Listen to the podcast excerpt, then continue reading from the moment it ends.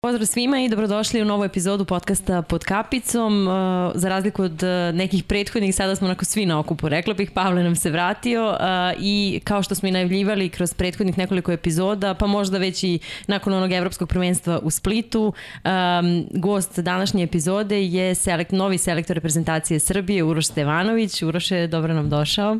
Bolje Ovo vas našao. Nije tvoj prvi put u ovom studiju, tako da te neću pitati kako se osjećaš, već znamo. Pavle, zdravo i tebi. Zdravo, Aleksandra. Kako si ti? Super, super. U dobrom društvu uvijek je, ovaj, uvijek je sve dobro. dobro smo počeli ovu epizodu, da, moram da. ti reći.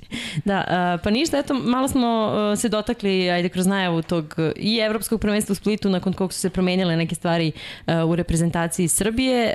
Uh, doticali smo se tih tema onako puno kroz naše epizode i sa nekim drugim gostima i sa Nikolom Rađenom. Uh, Pavle, šta bi sada za tebe sa ove neke vremenske distance bila onako prva uvodna tema u razgovor sa novim selektorom?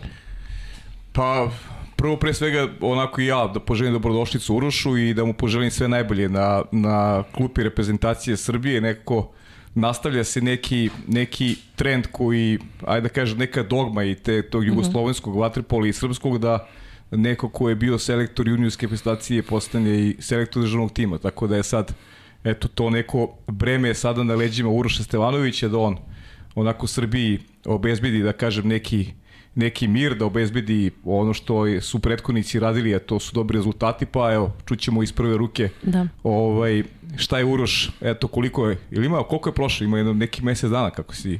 Pa možda i manje. Manje od mesec dana, a? Možda i manje, ali kako vreme ide, mislim da je proletelo, eto. Da. da pa, od obaveza novih. Mislim da. da je to odličan šlagvort, u stvari da krenemo time, od momenta kada smo saznali ime novog selektora Srbije do danas, šta je sve, ajde da kažemo, postavljeno i šta je sve zamišljeno, o čemu se, ste razgovarali i kakvi su da, planovi. ali pre svega prvo, da šta mene zanima najviše, da li je tajming za tebe dobar? Kako se ti osjećaš? E, imam utisak da nisi baš očekivao da će Čekaj, polako, postavili smo sedam pitanja. Tako brzo. Mislim da je odavde da krenemo da je možda, da je možda najbolji. Tajming? Tajming, da. Pa mislim da tajming ne može da se bira. Mislim, uh mhm. -huh. ovakva ponuda dolazi sigurno jednom u životu kako je situacija trenutno i mislim da nisam mogao da biram. Jednostavno odmah sam prihvatio, uh mhm. -huh. nisam ni razmišljao, ni sekunde, znam šta, šta nosi ovo mesto, da je to jedna stvarno velika, pre svega, čast, obaveza, ogromna odgovornost, ali to je nešto što kada sam krenuo da radim kod trenera, u čemu sam maštao. Ne mm -hmm. da radim kod trener, kad, kad sam krenuo da radim kod trener.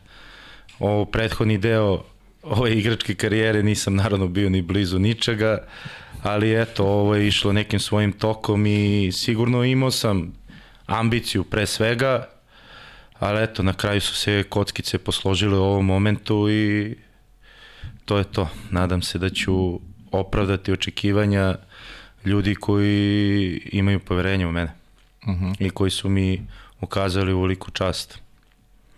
Na čemu se najviše radilo ovih, ajde, prethodnih, kako smo rekli, mesec dana, možda malo manje ili više? Pa, na, mislim, na osnovnim stvarima. Prvo sam teo da formiram stručni štab, ja stvarno nisam razmišljao do mhm. trenutka te promocije, ovaj, da formiram stručni štab, da porazgovaram sa svim igračima koji dalje imaju pravo nastupa za reprezentaciju Srbije, namerno kažem pravo nastupa ili ima nekih igrača koji nisu bili pozivani u prethodnom periodu, neki, da kažem, iz onog ili drugog razloga, sve jedno je, ovaj, i da napravim neki plan za obaveze koje su pred nama.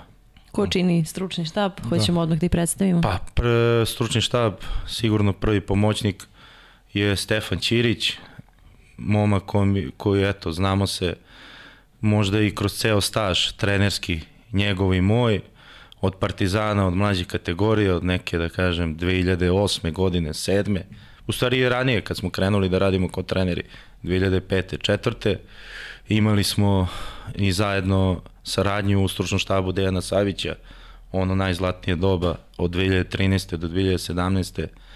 godine i ima jedna i tu priča, na primjer ja sam njemu, iako sam bio trener radničkog, kada smo igrali drugu ligu, kada je sve to 2016. Za njih tri meseca, pošto smo ranije završili već u martu, da kažem, to drugoligaško takmičenje i plasirali smo se u prvu ligu. Za njih dva meseca sam radio kao pomoćnik Čiri Stefana u Partizanu u njegovoj sezoni kada je uzeta eto i titula, a možda i poslednja. Nisam siguran. Možda i poslednja, Možda i posljednja. možda i poslednja titula Partizana. Stefana, eto, mislim, predstavio sam nje on i sigurno je poznat široj javnosti. Drugi trener je Darko Bilić, on je bio u stručnom štabu moje juniorske reprezentacije već proteklih 3-4 godine. E, Ostojić Miloš koji je sa Dejanom Savićem radio video analizu i trenirao golmane, ostaće isto u stručnom štabu. E, Vlada Radović kao fizioterapeut, Ivan Marjanović kao doktor, to su sve ljudi koji su u Savezu i već su bili i kažem i sa Dejanom ovaj, i koji znaju sistem nekog grada u, u Savezu. Ostaje, nije upražnjeno mesto, jednostavno čekam odgovor i mislim da ću ga dobiti u narednih eto 5-7 dana što se tiče trenera za, za fizičku pripremu mm -hmm. i u vodi i na suvo. Mm -hmm. Ne bih otkrivo ime dok ne budem imao konačno odgovor, ide sve u pravom smeru. Mm -hmm. Prvi, prvi dogovor postoji, ali dok ne bude konačno i bude potvrđeno, ne bih otkrivo ime. Možeš samo malo približiš mikrofon, ureš molim te. Uh, I ovaj ajde ta da, da, da se okrenemo ovaj, da se okrenemo igračima. Uh, Preposlije obio razgovore sa igračima, naveo si na početku da svi igrači na koje možda se računa. Ili ima nekih novih imena u odnosu na na neki, ne znam, spisak koji Dejanov spisak koji je bio recimo za, za evropski i svetski šampionat. Igrača koji nisu bili u konkurenciji, ajde da kažem, posljednjih godinu, godinu i po dana. Pa ima, mogu da otkrijem već jedno ime. Uh -huh. To je Ubović.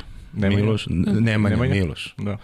Ubović Nemanja, on se vraća u konkurenciju uh Mhm. -huh. za seniorsku reprezentaciju Srbije.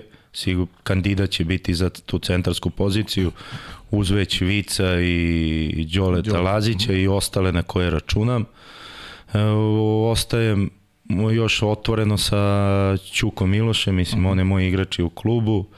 Po, naravno da sam popričao sa njim što se tiče njegovog nekog daljeg angažmana, on se nije oprostio od reprezentacije kao što su ovih šestorica velikih, da kažem, ali ostajemo to, ostavljamo otvoreno u narednom periodu. Uh -huh, uh -huh.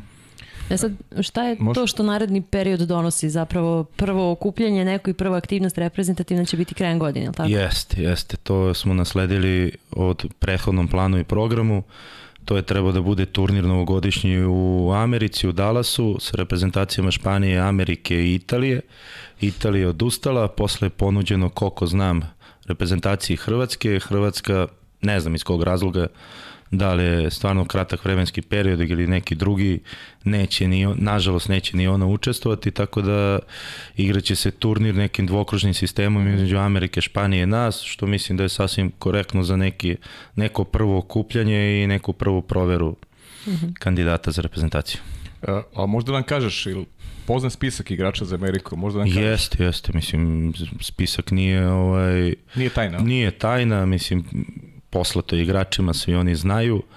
E, 18 kandidata, sad najbolje bi da idem po pozicijama, uh -huh. što se, znači, golmani su Branislav Mitrović, Lazar Dobožanov i Radosav Filipović. Uh -huh. E, od centara su pozvani Ubović Nemanja, uh -huh. Vico, Đorđe Lazić, uh -huh. e, od bekova Nikola Jakšić, e, Ranđelović Sava, Drašović uh -huh. i Pljevančić Luka. Na levoj strani dakle, e, Strahinja Rašović, Radulović Marko, Lukić Nikola, Vasilij Martinović i na desnoj strani e, Đorđe Vučinić, Janković Filip, e, Milojević Vuk i Dimitrijević Marko. Uh -huh. e, pa nema na spisku Dušana Mandića. Nema. E, sa Mandom sam pričao, naravno, kao i sa svim igračima. Teo sam prvo sa njima da popričam pre nego što izađemo u, u javnost i, i dajem neke izjave. Dogovorili smo se što se tiče ovog, e, ovog turnira u Americi, prvog okupljanja, da ga preskoči. Imao je stvarno obaveze preko ovog leta, nastavili su mu se odmah i u klubskoj sezoni.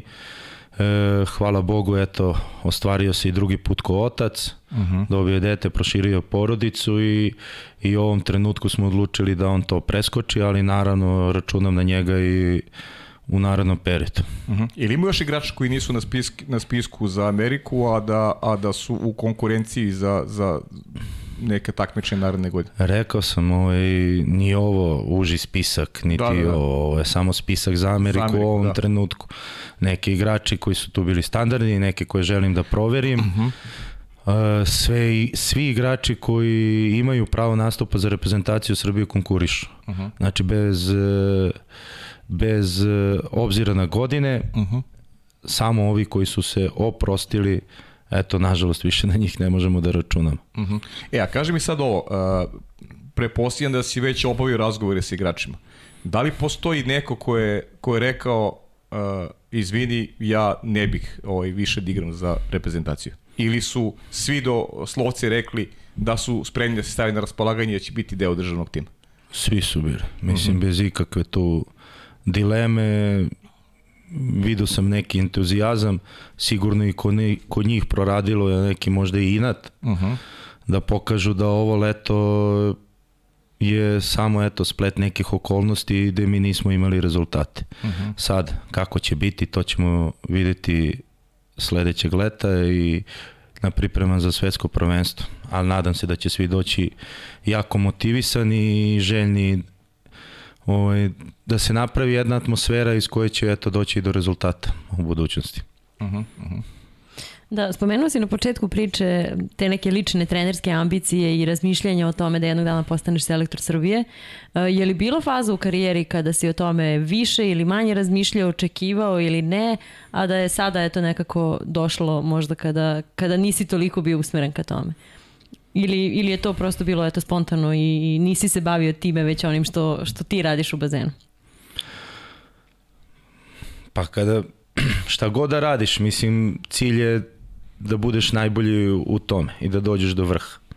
Pozicija selektora reprezentacije Srbije vrh u, ovom poslu. Nema, nema dalje, nema neke pozicije koje je veći motiv, veća inspiracija, za koju imaš veću želju to je ono o čemu si mašto i gledao i ko mlađi na televiziji dok si trenirao ko dete, posle igrao vaterpolo i pogotovo kad si krenuo da se baviš trenerskim poslom.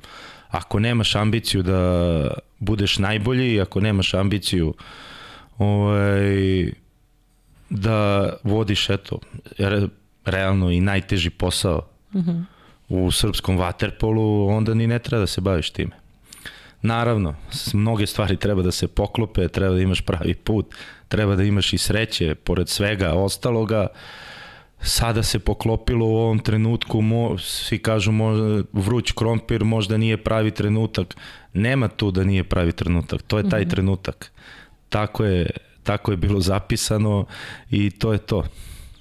E, ti si neko ko je nekako birao e, svoj puta a put je bio značajno teži od eh, mnogih drugih. Ti si neko koji je ostao u, u srpskom vaterpolu onim trucima kada se radnički ugasio, pa je onda usledio taj reset, eh, odbio si neke ponude iz inostranstva koje si imao, dakle imao si neku, neku svoju viziju, ali put koji definitivno, nije, nije bio lak. Uh, uh, koji moment bio najteži za tebe da, da, evo, da stignemo sada do ovog dana kada pričamo o reprezentaciji Srbije Je li bio neki trenutak e, u tvojoj glavi koji je preloman u smislu nekih ambicija i, i, i neke, nekog e, suočenja sa sobom kada, kada govorimo o nekim ličnim ambicijama? Jer realno znamo da je radnički tvoj klub prošao jedan trnovit put i da nije, nisu vam cvetale ove ruže u momentima kada si ti nebe, negde sebe kao trener pokušavao da, da nadgradiš i da, i da ovaj dođeš evo do nekih pozicija kada pričamo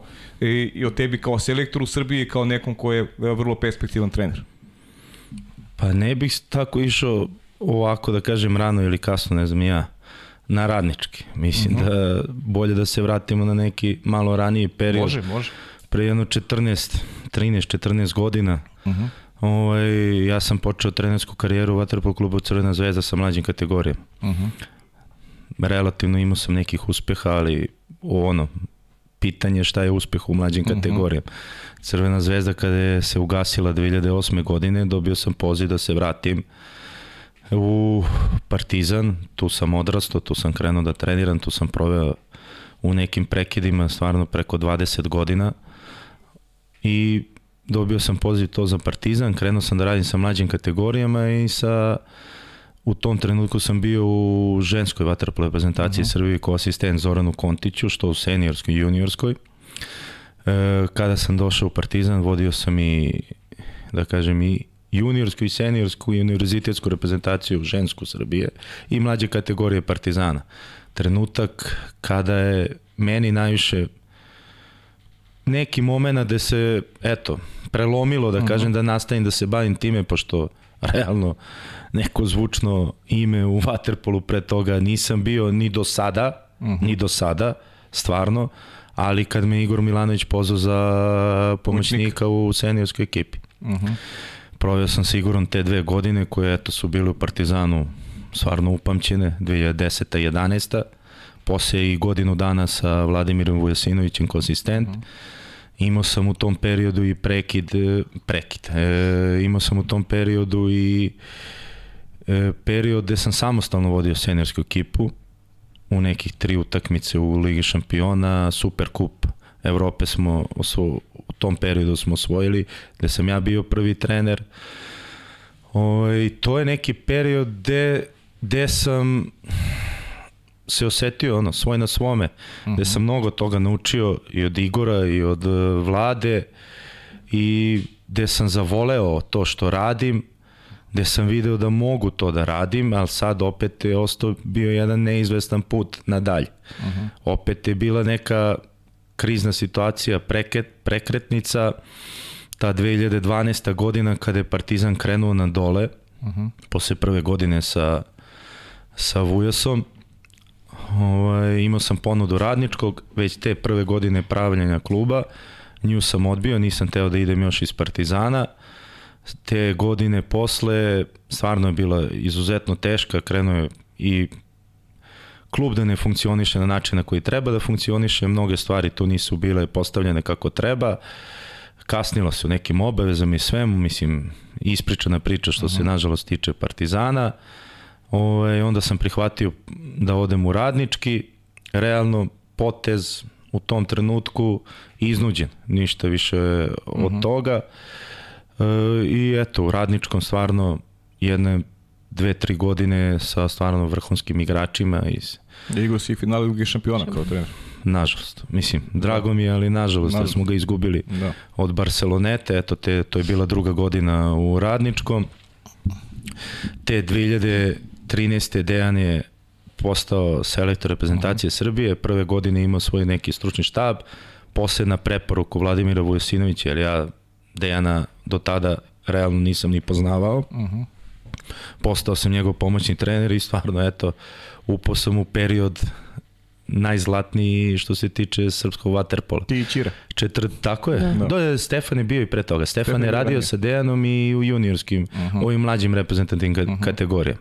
Ja sam upao tu uh -huh. i stvarno te godina 14. 15. 16.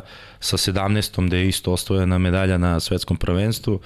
Ovo je jedan period je, da kažem, ono, stavljena ono kao tačka da to je to to je ono s čime želim da se bavim, ono što volim. Dosta sam toga naučio, naravno, radio sam sa najboljima, mm. od Igora, Vujasa, preko Dejana te četiri godine i eto, nastavio sam tu priču i u Radničkom. Mm -hmm. Bio je opet, eto, jedan krizni moment u Radničkom gde smo mi svi ljudi koji su vodili klub i upravljali klubom napustili klub te 16. godine gde smo Jugoslav Vasović i ja odlučili da krenemo od nule 2016. godine, da zaboravimo sve što je bilo pre toga i Liga šampiona i finale Liga šampiona i osvojen kup i sve i krenuli sa momcima 2000. godište 2016. godine da igramo od letnje lige, treće lige, pa evo do ovog momenta sada. Da, pa to je taj period koji si ja možda preskočio sa malo Partizan i super si sad sam u suštini ovaj, negde i predstavio sebe za sve oni koji možda ne znaju dovoljno u tvojoj karijeri, ali onda stedi taj moment, ta, već za tebe se već zna Evropi, kada se radnički restovo, igrao si final Lige šampiona, ali opet dolazimo od tog momenta da si bio dovoljno strpljiv da sačekaš, da kažem, neku, neku pravu priliku i da, i da akcija staviš na rad sa, sa mladim igračima, što baš i nije, ajde da kažem, tipično možda za, za sve ljude koji se bavaju drugim sportovima, trenerskim poslom, radi i izaberu put da da se onako i finansijski negde ovaj, postanu stabilniji i da rade u nekom okruženju koje njima prija, misli, to je prosto ljudski. Ti se opredelio za put da radiš ovde sa mladima, da, da praviš neke nove generacije i da, i da radiš u Srbiji, što je stvarno jedan benefit uh, ispostavilo si za neke mlade generacije pa i za srpske vaterpolo generalno. Jeste, kao što si sve, kao što si rekao, nemam stvarno šta da dodam. Bilo je u tom momentu da se bira, nije da nisam imao ponuda, ali opet kažem, rad koji je ovde u Srbiji, način na koji mogu ja da radim, to ne postoji nigde na svetu. Na što misliš tačno kada kažeš to? Pa način, da imam totalnu slobodu, da radim kako ja mislim uh -huh. da mhm. treba da radim. Uh -huh. I da ljudi koji su iznad mene, evo pre svega Jugoslav Vasović u Radničkom, ovaj, imaju totalno poverenje u mene. Naravno, ima tu i uspona i padova i, i grešaka i svega, ali istrpeli su me sve ove godine. Znači, kada je reč o Waterpolu, tvoje je poslednja. Uh mhm. -huh. Pa, u klubu. U, u klubu, da. u klubu, da. I da, sada, mislim kada je reč o ovim sportskim stvarima. I sada, ko selektor, mislim, selektor je glavni tu, nema, uh mhm. -huh. nema priče. Moja će sigurno uvijek biti poslednja. Radit ću na način na koji ja mislim da treba da radim, kao što sam radio i do sada, Pa ako budem pogrešio, znači da sam ja pogrešio. A, ovo što je Pavle spomenuo radu sa mladim igračima, koliko je, ajde reći ću, nezahvalno, odnosno zahvalno raditi sa njima? Ma, to, to je najlepši deo posle, da, mhm. -huh. da ovo, Paja što je rekao da postoji neki finansijski benefit u radu sa mlađim kategorijama, mislim da bi ostao do kraja života da radim uh -huh. sa mlađim kategorijama. Mislim, sa mladim ljudima, s tim momcima, učestvujete u njihovom odrastanju, sazrevanju i sve prolaziti stvarno hiljadu situacija sa njima, to je, to je život, to je stvarno lepota. Ali, opet kažem, uvek je cilj bio, uvek je postojao, nisam razmišljao o tome, stvarno, ni u jednom tom trenutku. Biro sam put koji sam ja hteo. Eto, mm -hmm. na kraju je doveo do ovoga, doveo do vrha, sad se nadam da ćemo i ostati tu duži niz godina. Uroše, te pričaš o radu sa mladima, neko se prirodno dovezuje, vraćamo se još na neke teme vezano za reprezentaciju, ali ovog leta vrlo uspešno uh, imali smo to svetsko prvenstvo uh, za juniore koje si ti si bio selektor Evropsku Podgorici, uh, jedan poraz od Mađara i to na peterce, pa onda, ok, pobeda protiv Mađara na peterce u, u Podgorici, e, mediteranski igres, takođe, prošle godine si osvojio dve medalje, mislim, ste osvojili takođe dve medalje, pa ajde malo uh, da, da nam ispričaš vezano ovim takmičem ovogodišnjim, prošle godine smo sumirali malo malo podrobnije sve što se dešavalo tokom leta, kako si zadovoljan i koliko vidiš to i treba da bude prednost. Ono što sam rekao na početku, neka dogma jugoslovenske, jugoslovenskog vaterpola pa i srpskog je da selektor juniora postanu selektori senjorske prezentacije. To je unazad 40 godina, ništa se nije promenilo sad ni u tvom slučaju. E, da li osjećaš e, prednost i tu konekciju koju si napravio sa tim igračima, koliko može da ih pomogne sada u radu sa najboljim državnim timom? Pa sigurno da može. Kao što sam sa Dejanom bio 14. i 17. i i ovi momci koji su sada glavni vodeći igrači u seniorskoj reprezentaciji, poznajem ih. Čak eto, mogu kažem i sa Nikolom Jakšićem sam radio u Partizanu kada sam bio asistent Igoru Milanoviću individualno jedne godine cele, na primer. Uh mhm. -huh. Dušana Mandića sam nezahvalno da to kažem, doveo ja iz Crne Gore u Partizan. Uh mhm. -huh. Znači poznajem i te vodeće igrače u, u Srbiji. S druge strane, svi ovi kandidati, ovi mlađi igrači koji dolaze, prošli su sa mnom ovaj, te mlađe reprezentativne kategorije. Od 2000, na primjer, ja sam od 2018. vodio tu juniorske selekcije, najstarije.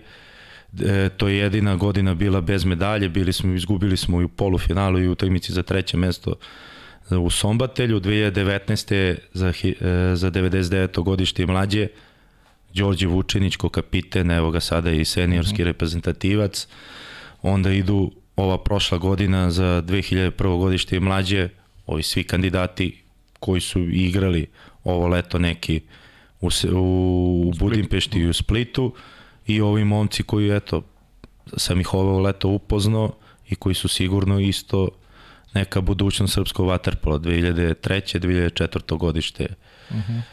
igrači. Uh mhm. -huh. Kako ocenjuješ ova dva takmičenja? Jel u principu, mislim, nema, nema, nema šta se zamiri generalno. Taj poraz na, na peterce od Mađara, fenomenalna jedna utakmica u Beogradu, bili smo svedoci tog meča. Ne znam, kada bih ovako trebao da biram najboljih pet utakmica koje sam gledao, ta bi bila sigurno jedna od tih pet. Opet ništa manje dramatično i, i zanimljivo i kvalitetno nije bilo ni, nije bilo ni u Podgorici. Pa kako sumiraš, aj kažem, to leto, e, šta si ti video, e, evo već vidimo da postoji neki, poput Vasilija Martinovića, njega vodiš i, i u Ameriku. I Marka Dimitrijevića. I Marka Dimitrijevića, bravo, da, i Marka Dimitrijevića takođe. Uh, ajde neki, neki tvoj utisak, pečat onoga što se, što se odigralo na, na, na ta dva takmičenja. Pa pre svega ovo leto je bilo jako dugo, uh mhm. -huh. kako i treba da bude. Mi smo pripreme krenuli 13. juna, završili smo sa Podgoricom i finalem 25. septembra. Znači, tako kako se, kao što si ti pričao malo pre, dogma. uh mhm. -huh. Ovo je jedna tradicija i rad koji postoji u reprezentativnim mlađim kategorijama i koji postoji i u seniorskoj reprezentaciji takođe. Tri meseca rada, stvarno paklenog, tri takmičenja, Krenuli smo, da. znači, posle desetak dana sa mediteranskim igrama koje ove godine nisu bili za seniorsku e, seniorske reprezentacije, nego je bio dogovor e, na međunarodnom nivou da se igra sa juniorskom. Baš ovom 2004. i mlađi igrači. Tu smo bili prvi, onda smo nastavili pripreme u, za svetsko prvenstvo u Beogradu, gde smo izgubili finale od Mađarske na penale, koje je opet e, prvi poraz ove generacije, to sam saznao kasnije, posle ne znam, 50 i nešto utakmica od 2018. i Burgasa. Njih je u prethodnom periodu vodio Miloš Korolija, koji je ovo leto vodio 2006. Uh -huh. koji isto završio reprezentativno leto sa medaljom. Isto poraz za petericu. Da. Tako je, tako je. I, I na kraju je bilo evropsko prvenstvo za godinu dana najstarije, koji je bio i neki, kažem, cilj ovog leta, da budemo najbolji. Tu smo imali stvarno jednu, kao što si rekao, pravu ono dramaturgiju, četvr finale na peterce sa Italijom, opet polufinale sa Mađarskom i stvarno jedna drama u finalu sa Španijom. Opet bili smo ubedljivo najmlađa ekipa, Vasilij Martinović je eto 2003. se priključio tek posle prve, evropskog prvenstva u Splitu, još dva momka 2003. Krstić i Baucalo, sve ostalo su bili momci koji su od početka leta igrali prethodna dva takmičenja. Uh mhm. -huh. I imali tu Ima, sigurno neće pa, pričati imenima. Ne, ima, pa ka, nema, nema šta sada da ne pričamo o imenima. Vasilij Martinović jeste već bio na spisku seniorske reprezentacije da, Srbije, evo ga sada i Marko Dimitrijević, tako da jeste velika prednost što sam proveo već toliko vreme sa tim mlađima u prethodnih četiri godine i što ih poznajem. Pa to je i poenta cijeli Tako je, tako je, tako je, tako da znam koliko mogu. Nadam, nadam se ovaj, da će ispuniti sav svoj potencijal, ali opet sve je na njima. Najvažnije sada trenutno da se napravi jedna zdrava konkurencija, da svi ti momci koji konkurišu ili koji misle da konkurišu, da kroz rad u klubovima i igrama u klubovima zasluže poziv u seniorsku reprezentaciju Srbije, a onda na leto na pripremama izbore i mesto među prvih, među 13 igrača koji će ići na takmičenje. To je ono najbitnije. Mora da se napravi konkurencija, igrači sigurno imamo potencijal i u tim mlađim kategorijama, eto, proveo sam četiri godine, stvarno svake godine je bila da kažem, uspešno što se, što se tiče tog rezultatskog dela, ali i u odnosu na druge reprezentacije videli se da imamo kvalitet i budućnost u pojedinim igračima uh mhm. -huh. i svemu. Ovaj, ali tek sada prestoji pred njima jedan veliki rad. Jedno je igrati u juniorskoj konkurenciji, jedno je u seniorskoj, tako da pokušat ću na najbolji način da im objasnim da to što je bilo jednostavno sve to mora da se zaboravi i da još više rade još bolje da bi ostvarili i svoje snove i svoj potencijal koji sam siguran da postoji. Uh -huh. Ja bih malo, ako mi ne zamerate, da pričamo i ova dva seniorska takmičenja ove godine. Budimpešta i Split, već mi ih spomenuli. Iako nisi direktno učestvovao u tome, ali si pratio šta je to što je nedostajalo reprezentaciji Srbije? Je li nešto nedostajalo uopšte ili je to neki prirodan tog događaja bio da na ta dva takmičenja možda ne naviknu više navijače na one velike rezultate kao ranije? Pa sigurno da kontinuitet onih uspeha koje je imala prethodna generacija je jako, jako teško. Mislim da je to redkost ne samo u vaterpolu, nego je redkost u bilo kom sportu. Mislim, ne znam, kontinuitet taj velikih rezultata ima američka ženska vaterpolo reprezentacija, francuska u muškom rukometu i ne znam američka da... Američka ženska u košarci isto. Dobro, to NBA. ja, mislim, ja mislim da niko nema Ali... ovaj, u Evropi taj kontinuitet kao vaterpolo reprezentacija da, Srbije. Da da od 2000. godine da svaka, svake olimpijske igre je osvojena medalja. Tako Mislim je. da to nema niko, da, da to ima samo američki Dream Team u košarci, Tako da je. to nema niko drugi. Tako je. I da jednostavno ta neka tradicija vaterpolu u Srbiji jednostavno i razmazila, mm. da kažem, i celokupnu javnost i, i nas u vaterpolu i sve na te uspehe.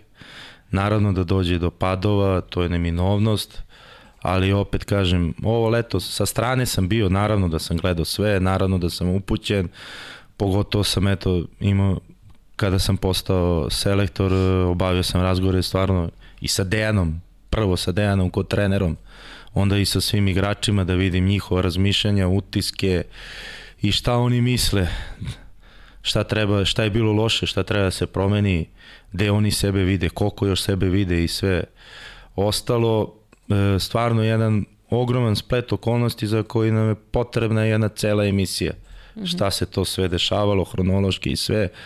O, imamo, mislim, prosta stvar da ajde da uprostim, ne želim nikog ni, nije to pravdanje. Nije to pravdanje, sigurno, pa znamo i mi da je to za nas jednostavno neuspeh. I to peto mesto i deveto mesto pogotovo. Ali ne možemo da zaboravimo da Nikola Jakšić se povredio u Budimpešti. Tako je. Nije ni igrao Tako. Evropsko prvenstvo u Splitu. Nikola Jakšić je trenutno ne znam, on je Ronaldo, Manda je Messi, mislim, najprostije rečeno. Uh -huh. On nije ni igrao. Mandi sigurno nije bio na svom najvišem nivou u Splitu, Đorđe Lazić isto je bio povređen, nije igrao. nije igrao, što za ovako mladu reprezentaciju sigurno je veliki peh uz sve neke stvari koje su se dešavale. Tako da te neke stvari naravno da smo upoznati i nema tu ovaj, ni tajni e, neke stvari će sigurno ostati kao što treba da ostanu i kao što su ostale u kući i to ćemo mi rešavati na način kao što smo rešavali do sada. Uh -huh. Jel će ovaj, hoćemo da pričamo još o nekim, ima nekih, nekih noviteta koje će biti unutar ekipe za neko narodno takmičenje i si odredio kapitena ili će to tek nakon ili će to ekipa da odredi? Ne, naravno, ja određujem Ti kapitena, aha. to ćemo na prvom okupljanju, na prvom okupljanju da reći. Uh mhm. -huh. Ja već imam ideju i mislim da prvo treba kažem momcima pa tek da naravno. da kažem naravno. drugima, ali Ovaj, mislim da je to i najmanje bitno. Dobro, okej, okay, nego pa mnoge druge stvari su bitnije. Što se tiče nekog e, načina rada i priprema za velike takmičenja, ajde malo dugoročnije da govorimo od ove Amerike i tog prvog okupljenja, uh, hoće li se tu nešto posebno razlikovati, ima li nešto drugačije u tom sistemu rada? Ma nema, pa nema, mislim, ne mogu ja da izmišljam toplu vodu, da. to je prosto. Ovaj, ja sam s Dejanom pričao ovih prethodnih godina ka, i kad sam bio u seniorskoj ekipi, pogotovo kada sam vodio juniorsku reprezentaciju Srbije ove protekle četiri godine. Srpska reprezentacija u špansku reprezentaciju je imala sistem igre u mlađim kategorijama koje ima seniorska reprezentacija Srbije. To su jedine dve reprezentacije koje su imali isti sistem rada. Ne mogu ja da izmislim nešto drugo. Naravno, imam nešto onom neke detalje koje ja radim na drugi finese, na drugi način. Ali ja sam ovaj, učio uz Dejana četiri godine I taj sistem, kao nje, on je bio i selektor seniorske reprezentacije i bio je glavni za mlađe kategorije u Savesu. Nisam, nismo mi igrali ništa drugačije. Tako je. Pa opet ćeš budeš ti talasti dužinama sa nekim ko će biti selektor juniorske reprezentacije. Pa naravno, mislim da je to, ne da je normalno, nego je obavezno, da kažem. Nego da je obavezno. Naravno, svaki trener ima nešto svoje, ja ću sigurno pokušati da neke svoje ideje sprovedem, ali to mnogo ne odudara od onoga što je bilo u prethodnim godinama. I si pričao sa Dejanom? Jesam, kako nisam, pa rekao sam malo mm -hmm. pre, mislim, prva stvar koju... Prvo, da. Koju sam imao da obavim jeste da, da popričam sa Dejanom. Šta ti rekao Deki ovaj, što je, što je za javnost? Šta je za javnost? Da. Nek ti Bog u pomoći. šalim se, šalim se, šalim se, šalim se. Šalim se, mislim, dao mi je podršku totalno, otvorio je vrata za sve što me zanima, kao što je bilo i do sada, ništa se nije promenilo. Naravno. Imamo jedan odnos koji smo izgradili od te 2014. godine koji stvarno ne može ništa da poruši i Dejan je imao ideju dok sam ja bio selektor juniorske reprezentacije kroz neku njegovu priču da se priključim stručnom štabu za Paris. Uh -huh. gde je on video sebe možda da ja ga nasledim posle Pariza. Uh -huh. Kao što pričaš da je tradicija bila da juniorski selektor nastavi Jest. u seniorskoj selekciji. To je bila Dejanova ideja. Uh -huh. Tako da, eto, došlo je prerano, sigurno ni on nije mislio tako, ali takva je situacija. Mislim, odnos sa njim, mislim, mogu sada da ga okrenem, da ga pitam šta hoću. Nešto se tiče vaterpola, nego i privatno, ako bude trebalo. Tako i treba da bude. A kaži mi za narednu godinu, opet mnogo takmičenja, mnogo takmičenja, svetski kup, svetsko, svetsko prvenstvo, evropsko prvenstvo, a rekao bih najveći cilj je definitivno e, plasman olimpijske igre. E, koje si ti sebi postavio ciljeve e, kada govorimo o 2023. godini? Pred mene je postavljen cilj plasman na olimpijske igre u Parizu 2024. To je znači glavni cilj koji je postavljen. Tako je, svakako. Ovo je, mislim da je to cilj, to je obaveza, nema tu, nema tu mnogo da pričamo o tome. Ovaj, biće jako teško, nikad teže uh -huh. da se kvalifikujemo zbog nekih sad repova koje ćemo nositi. Mesto na olimpijadi nosi finalisti svetskog prvenstva u julu u Fukuoki u Japanu, uh -huh. Sledećem julu. Onda jedno mesto sa evropskog prvenstva u Izraelu u novembru, uh -huh. 2023. godine i četiri mesta sa svetskog prvenstva 2024. godine u februaru Uf. u Dohi. Zaborio sam tu drugo svetsko prvenstvo. Tako, da. tako je. Nema svetske lige, nema dodatnih takmičenja koji mogu da obezbede mesto tamo na olimpijati. Znači tri šanse postoje. Tako je. I te tri šanse, prva je da kažem svetsko prvenstvo. A izvini, a nema kvalifikacija dodatnih? Nema, nema, to je to. Samo ovo? tih sedam mesta. S tim što u slučaju da Amerika na svetskom prvenstvu u Dohi mm -hmm. ili evo sad ovom prvom uđe, znači na ovom prvom u Japanu bude finalista ili u Dohi da bude polufinalista, izbacuje jedno mesto za Evropu i oslobađa jedno mesto za. Van evropsku ekipu. Da, da, da. Tako da ili sedam ili šest mesta, zavisi na primjer od toga. I imamo jedan, da kažem, promenja se sistem takmičenja na evropskom prvenstvu. Uh mhm. -huh. e, evropsko prvenstvo u novembru, opet to je nezvanično, ali to je neka informacija koja koju smo dobili, da, koju smo dobili da prvih osam ekipa prave dve grupe po četiri uh -huh. sa mhm. ovog evropskog prvenstva u Splitu, a drugih osam ekipa od 9. do 16. mesta gde mi pripadamo zbog 9. mesta u Splitu pravi dve grupe po četiri ekipe, znači ovaj niži deo.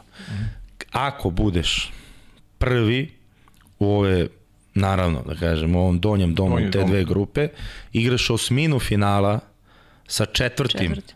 iz ovih gornjih grupa, pa četvr finale sa prvima iz neke od grupe. I, iz neke od ove da, dve da. grupe. Znači, znači o, značajno otežan put. Značajno otežan. Mm. Znači, jednostavno si upućen na osminu finala, pa tek na četvr finala. Kada će se to zvanično znati? Nadamo se što pre. Nadamo se što pre. E, prvo neko takmičenje pre tog svetskog prvenstva što nas očekuje svetski kup. Postoje dve opcije koliko znamo. Jedna opcija je da se igra turnir u aprilu i u maju, dva turnira april-maj, a druga opcija je da se u martu igra jedan turnir. Opet čekamo, mi učestvujemo, učestvuje sigurno najbolje ove svetske reprezentacije, što će opet nama koristiti u nekom pripremama za naredni period, ali sistem takmičenja gde će šta biti još ne znamo i čekam. To su prve zvanične utakmice posle ovih priprema u Americi i turnira. Da. Da, da, pripreme će ti značiti baš za, za eto neko... Pa to je, to, to je ono što nam najviše treba, vreme. Da. Koga nema. Da. Koga nema. Realno, jer klubska sezona je toliko popunjena da nema mnogo prostora za okupljanje reprezentacije. Ovo sada za novu godinu, posle za taj svetski kup, uh, Final 8 Lige šampiona završava se 4. juna, svetsko prvenstvo počinje 15. jula. Uh mhm. -huh. I tih pet ili šest sednica, to je sve što ćemo imati od priprema. Nadam se da ćemo imati još jedne pripreme na sledeće leto pred olimpijadu, ali koliko će biti vremena pred evropsko prvenstvo u novembru i svetsko prvenstvo u februaru u Dohi, ne znamo trenutno, jer se poklapa sa klubskom sezonom, ima četiri velike takmičenja reprezentativne u jednoj godini kalendarskoj plus klubska sezona, mislim da je to u ovom trenutku nama ne odgovara, ali Tako je, kako je. Mislim, je tako. A kad god pričamo o ovom kalendaru, pitam se imali ono, hoćemo li ikad nadoknaditi sve ono što se podlagalo i, i pomiramo. Pa mislim da završavamo sa Parizom, da, da, sa da smo sve da. zaokružili, pa, da, da, da, da. ćemo ući u neke normalne vode posle Pariza. Mm. Uruši da. konkurencija, ajde kad pričali smo o, o, o Srbiji, kako vidiš e, konkurenciju? Mislim da su bila onako u tom pogledu dva interesantna takmičenja, neke ekipe su se ponavljale, očigledno imale dobru formu, poput Španije sa dve medalje, pa Italija ima i tu i dva polufinala, Hrvatska koja je postala prvak Evrope, Mađarska koja od dolaska Varge očigledno da, su tu, da se tu stvari promenile na bolje, malo neki drugačiji stil, nešto što je Varga doneo iz kluba. Konkurencija je stvarno žestoka i apropo tih šest mesta o kojima pričamo za, za olimpijske igre, mnogo ljudi gledaju ovde pocenjivački na, na, na, na konkurenciju, smatraju Srbija kad se pojavi negde, malo ima i toga kada govorimo o ovoj neuspešnoj godini, jer upravo to što si rekao, vatripolisti su razmazili narod ovde i neko se stvari podrazumevaju, e, a nije ih lako ostvariti. Konkurencija je baš žestoka i ne znam, skoro sam čuo, ne znam gde sam sedeo priča, da danas svi igraju vaterpolo. To je postalo ono kao, kao futbol. I stvarno, konkurencija je žestoka, preti tu i, i Francuska koja će biti učesnik olimpijskih igara. Ništa nije slučajno u Francuskoj, imaju odlični igrači, imaju klubove. E, pa ajde, onako iz, iz tvog nekog ugla, kako, kako ti to sve vidiš? Pa ništa se nije promenilo, kao što da. je bilo pre. Postoji tih nekih, mogu da kažem sad i osam reprezentacija uh -huh. koji mhm. konkurišu za najviši plasman. Sigurno da ovo naše deveto mesto je pokazalo da, eto, ovo što si rekao, da, mislim, svi igraju vaterpolo. Drago nam je, drago mi je što su se pojavile neke nove reprezentacije, tipa Francuske, Holandije i Gruzije, koje je uvek blizu nekog većeg rezultata, koji su konkurentne svim ovim najboljim reprezentacijama. Mm. Španci su najkonstantniji, to je sada sigurno, oni su zadržali, mislim što je normalno, oni su odnosno na prethodni period i Tokio zadržali skoro celu reprezentaciju mm. na okupu. Ital, Italijani su u vrhu, uh mhm. -huh. to je neminovnost, Grčka ima mislim, finalista olimpijskih igara, ove godine imali isto probleme preko leta sa povredama. Igrača i nisu bili kompletni, konkurentni su sigurno za medalju, Hrvatska je evropski šampion. evropski šampion, Mađarska je sa novim trenerom Žoltom Vargom, eto, opet i rezultatski, uvek je bila igrački tu i konku, konkurent za najviši plasman, sada su došli do rezultata. Francuska je izbacila nas, da kažemo, uz mini finala. E, Svetska liga Strasburu za, za malo i ostala bez medalje. Amerika nikada jača, tako da konkurencija je sigurno velika i uopšte se u suštini ni ne plaćem konkurencije. O, želim da budemo okrenuti sebi, siguran sam da imamo i potencijal i, i da smo mi, ne, ne, neću kažem konkurentni, ali sigurno jedna od najjačih reprezentacija i sada u, to, uh -huh. u svemu tome. Uh -huh. Da, pa dobro, to je ono što smo pričali posle Splita, da nema nekog razloga za prevelikom dramom, panikom i, i ne znam kakvom analizom svega onoga što se desilo tokom leta, negde je to bilo prirodno i da očigledno nemamo zašto da, da brinemo. E, spomenuo si, kada je reč o tvom e, trenerskom poslu, sam si to rekao, nisam ja, da je trenerska karijera daleko uspešnija već sada nego što je bila igračka. Jesi li kao igrač već razmišljao o toj trenerskoj ili se to negde desilo usput, slučajno? Ne, to se stvarno spontano desilo. Ja nikada nisam razmišljao, niti sam video sebe u tome. Stvarno, upisao sam fakultet, bavio sam se stvarno, imao sam neke druge ideje i bavio sam se drugim stvarima. Onda je bio jedan fina kup u Beogradu, na Taš Majdanu, gde sam sreo uh, drugara iz generacije koji je sada takođe trener Miloš Saković, on je trener Valisa, uh -huh. i koji me je pozvao, kaže, ajde da pokušaš, mi smo, ja sam sada u Crvenoj zvezdi, radim kod trener, trebaju nam treneri, poznajemo se, ajde da kreneš da radiš kod trener. 2005. godine ili možda čak i četvrte.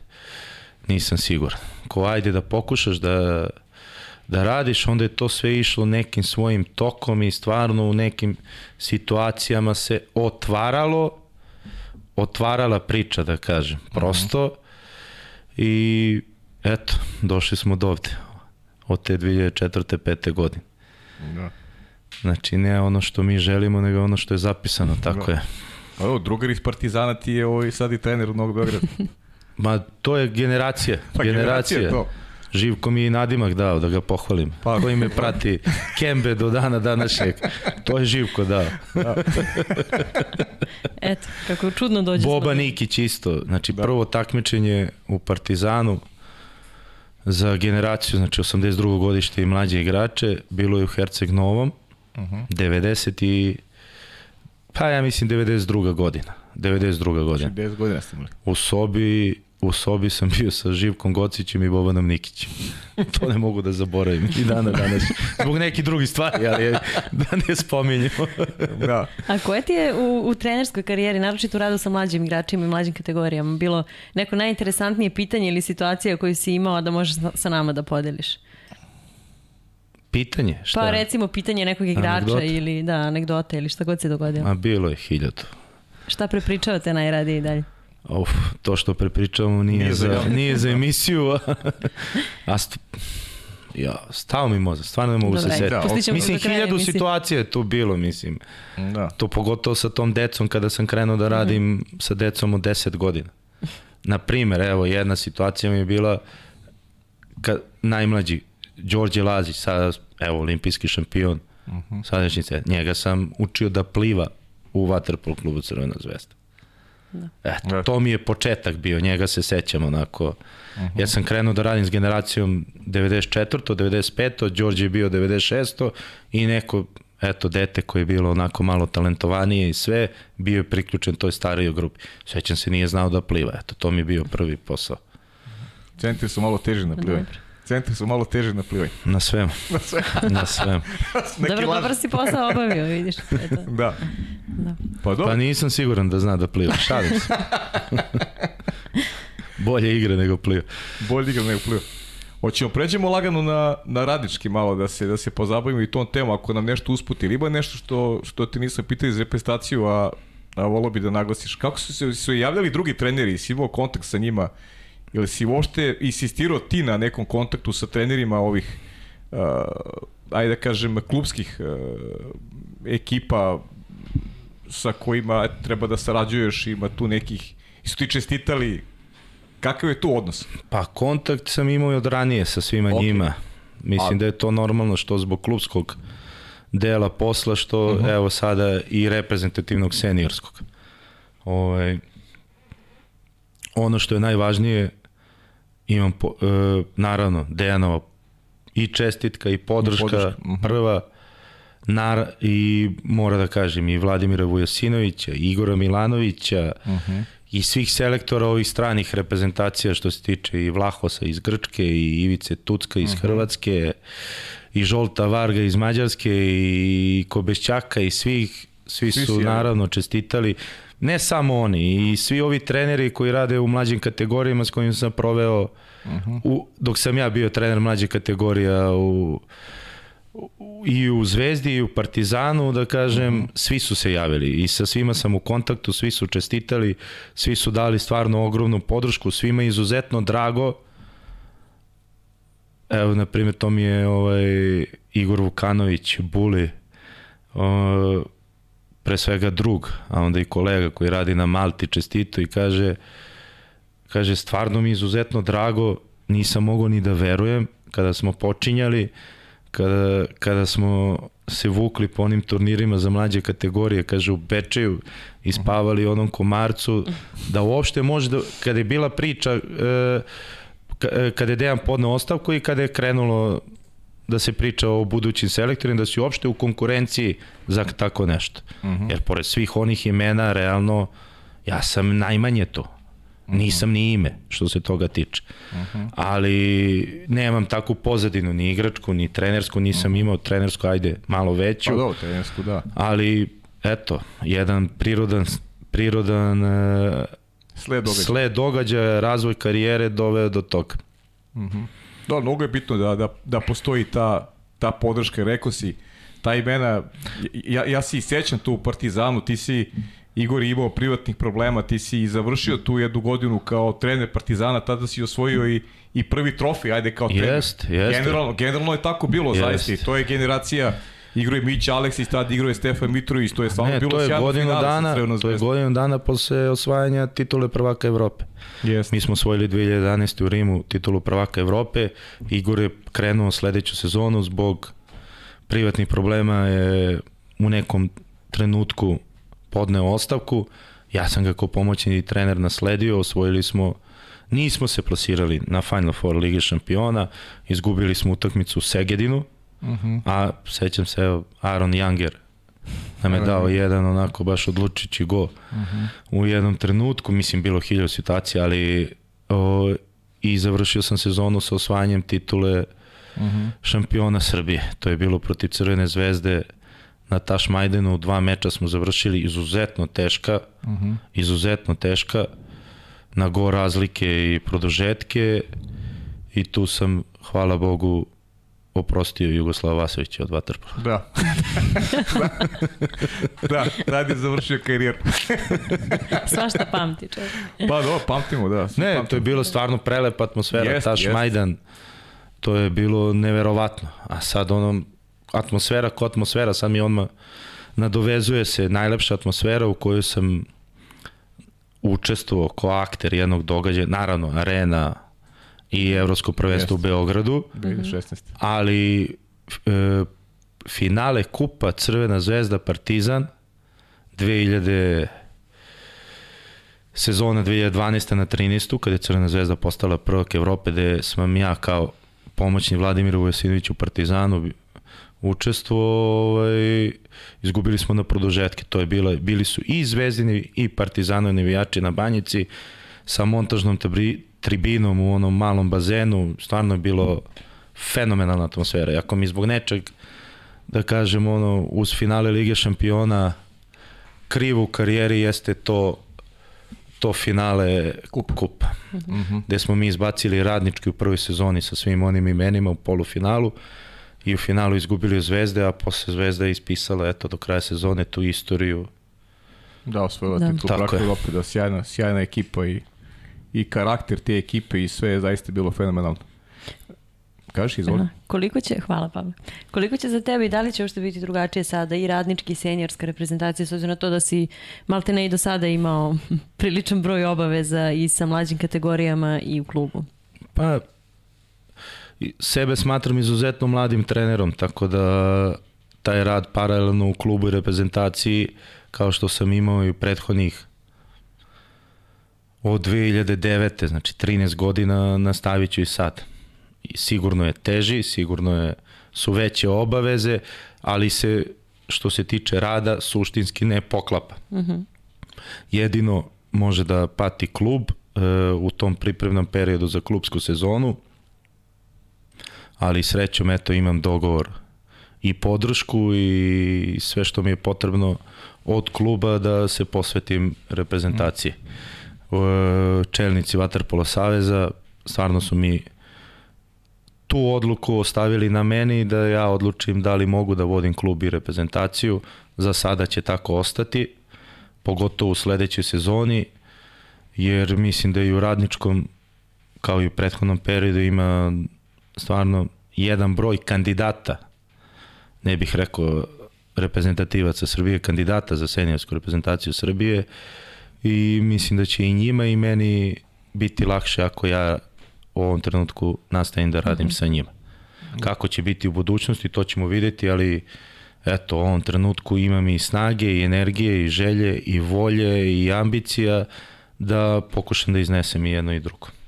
Kao što sam i protekli 13 godina. Naravno, neuporedivo je, neporedivo veće odgovornost i sve, ali to je to. Mislim, i ovo leto, eto, ja sam krenuo, znači završili smo klubsku sezonu u maju, kraje maja, E, počeli smo 13. maja sa reprezentacijom, završio sam 25. uveče je bilo to finale svetskog prvenstva, evropskog prvenstva u Podgorici, mm -hmm. 26.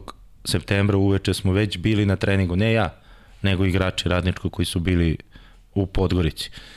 Za sada mi ne prestaje problem, stvarno mi onako prestaje dodata motiv i sve, predstavlja dodata dodatan motiv i sve, ali eto, okay. vidjet ćemo u budućnosti. Uh mhm. -huh. Da. Mogu samo pre što pređemo potpuno na klubsku priču. Vidim da Može, da idemo ka tome, a i trebalo bi malo da se pozabavimo i Ligom šampiona koja počinje uskoro. Ne, ne, obavezno. Ovaj, uh, imali smo i jedno od pitanja, Gaga Ivković nam je poslala jedno od pitanja na društvenim mrežama i mene jako zanima ta tema. Ispomenuo si i sam zapravo. Uh, radio si u ženskoj reprezentaciji Srbije. Kako je to iskustvo bilo i koliko je bilo, ajde da kažemo, različito od ostalih? Mnogo. Mm -hmm. Mislim, ženski i muški sport, stvarno, to je velika razlika, baš velika razlika, ali jedno ne samo profesionalno iskustvo, drugi je, drugi je i sistem igre i mnoge stvari što se tiče samog vaterpola su drugačije, a ovo van bazena to nema, nema šta da ti pričam. To je nebo i zemlja, ovaj mnogo više stvari, mnogo više stvari treba, treba mnogo više vremena da se posveti sa stvarima van bazena. Uh mhm. -huh. Mislim da su žene onako specifične i ovaj... Ja za tebe iz trenerskog ugla to bila velika škola. Kako ne? Ne sa trenerskog, i životnog. Uh mhm. -huh. Mislim da mi to pomoglo i da je u životu, sigurno. Nisam, Dobro. pa i realno, eto, ovaj, nisam mogao da dođem sebi, znači posle ženske reprezentacije od 2010. godine do 21. Eto, oženio sam se kasno. Dobro, dobar Mogu sam i da zalutam. Sjajno. da, nisam očekivala ovakav zaključak, ali dobro je, sve je obuhvatio. Ovo, ovaj, šta sam teo da ti kažem, uh, sad mi malo zbunio si mi odgovor, mi je Aleksandra pitanje. Ovaj, Otišao na drugu stranu, na drugu stranu od onoga da. što sam teo da kažem. Da, a, i, i šta sam ja hteo da kažem, da, e, ono što zasigurno znam da ćeš ti ta dva posla koje obavljaš da e, će radnički biti jedna priča, da neće biti privilegovanog statusa ni za koga, pa da li će možda biti čak i teže e, igračima radničkog da, da zasluže e, poziv Uraša Stevanovića u reprezentaciju Srbije? Pa kao što si rekao, bit će sigurno teže. Pa zato što znam, ali ajde, moram Biće se sigurno teže, ovaj, neke stvari su njime, se svima njima koji su prošle godine bili pozvani od DNA otvorile sa prestankom ovih momaka, uh mhm. -huh. oproštajem šest velikih i još igračima koji nisu bili u seniorskoj reprezentaciji. Njima se otvorilo. Ovaj, mislim da da će im biti toliko teže jer sada sve to moraju da zasluše. Uh mhm. -huh. Ja njih poznajem duži niz godina, ovaj, treniram ih i vidim da e, koliko god pozitivnih stvari je to njima donelo, da neke stvari nisu odreagovali najbolje. Uh mhm. -huh. I nisu shvatili, da kažem, neke stvari najbolje. Opet kažem, e, to će ostati među nama, to ja njima svakodnevno govorim, tu ne, ne, nemam, nemam, nemam šta da krijem od njih, ali nisu, nisu, nisu dovoljno shvatili kakvu šansu imaju i šta treba da rade. Eto, to je nešto, ono, kažem, osnovno. Ništa, I biće, i biće im, biće im sigurno mnogo teže, jer e, ne želim ne želim da ih odvajam od drugih. Naravno. Jednostavno, koji svi drugi kandidati. Pa nemaš više pravo to da radiš. Tako je. Mislim, odmah će se videti po rezultatu. Tako je. Ja. Rekao sam, ko bude zaslužio igrama u klubu, ja i ovako sam pratio sve ove naše igrače, ko bude zaslužio dobit će poziv za reprezentaciju. To je jedna stvar. Ko bude na tim pripremama zaslužio da bude u 13, igraće za seniorsku reprezentaciju Srbije. Stvarno očekuju ih pakao. Ne znam ni da li su svesni, svi, ne samo da kažem ovi igrači u mom klubu, nego drugi, da se izbore za mesto reprezentacije. Nikom ništa neće biti ovaj, neće biti privileg, privilegovanih, naravno, Jakšić, Mandić, Branislav Mitrović, Kogolman, Sava Ranđelović, Strahinja Rašović koji imaju jedan prethodni staž i zasluge koje nisu male, to su olimpijski šampioni, da kažem, ovaj, to je jedna stvar. Ovo, os, ostali igrači, mislim da, da ću pokušati da im objasnim već na prvim pripremama šta ih očekuje u narednom periodu. Ok, to je, Da to je, to je pra, sreću prava momcima. poruka. Da, Da. prava poruka. Hoćemo polako na ove klubske Pa sada. da, pa idemo, da, eto, idemo nek- ka radničkom više. Da, pa idemo ka radničkom. Juče si imao ovaj, jedan meč protiv, uh, igrao si ove godine protiv uh, kolegi iz Partizana, iz generacije, protiv Žileta. Radnički je to rešio svoju korist, jedan onako dobar derbi, opet sad derbi sa Crvenom zvezdom, 9-9 protiv Dekija, uvijek je teško protiv Dekija. Pa kako drugačije da bude. Da, Teški smo ljudi. ljudi, da. Kako se dali u početku sezone, ajde da, da, da se ozbiljimo. Pa do, do ove jučerašnje utakmice sa Crvenom zvezdom mogu rezu, rezultatski da budem zadovoljan. Ono što ne mogu, opet eto, propustio sam, ne samo ja, nego svi ovi igrači koji su bili u reprezentativnim kategorijama, cel, cele te bazične pripreme pred ovu sezonu. Oni su završili 10. septembra svetsko prvenstvo, mi smo završili 25. 26. smo imali prvo okupljanje. Već prvu utakmicu za dve nedelje u okviru Jadranske lige turnirom sa Zvezdom i Partizanom u Kragujevcu. Taj neki prvi period, eto, nismo imali bazičnih priprema i to će sigurno se osetiti u nekom trenutku koliko god mi pokušavali da to nadoknadimo kroz neki rad u toku sezone. Ove, rezultati su bili do juče sasvim zadovoljavajući, ali igra nije bila sigurno na tom nivou. Oscilacije su evidentne, sigurno će ih biti i u toku sezone, kao što je bilo i prošle sezone, dok e, neke stvari ne, se ne promene, ne slegnu i ne dođu na svoje u toku sezone.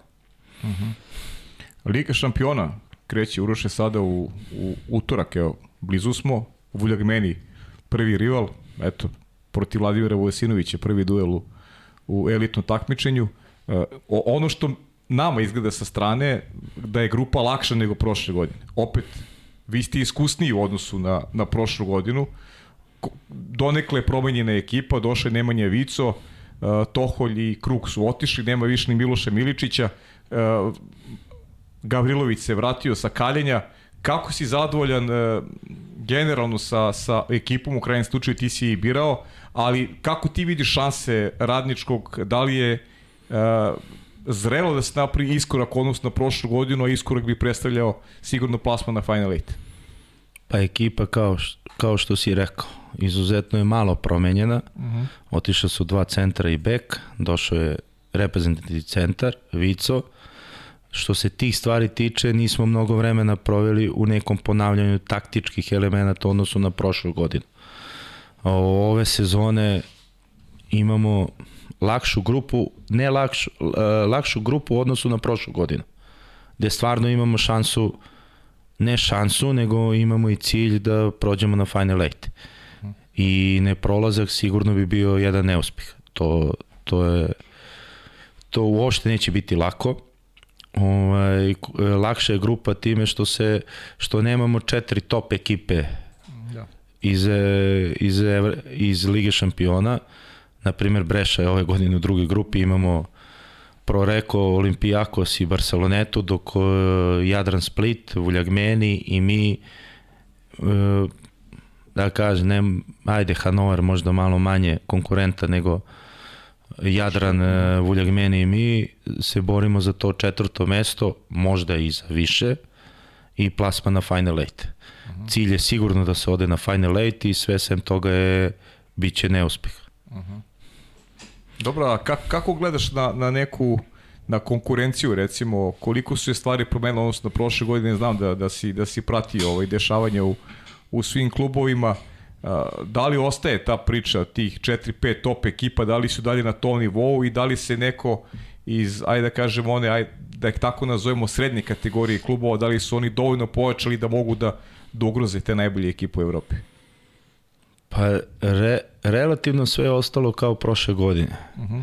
Jedina ekipa, ko, dve ekipe su promenile, da kaže, malo više roster u odnosu na prošlu godinu su Olimpijakos i Ferenc Varoš i to i to na bolje. Na bolje, da. na bolje, daleko bolje.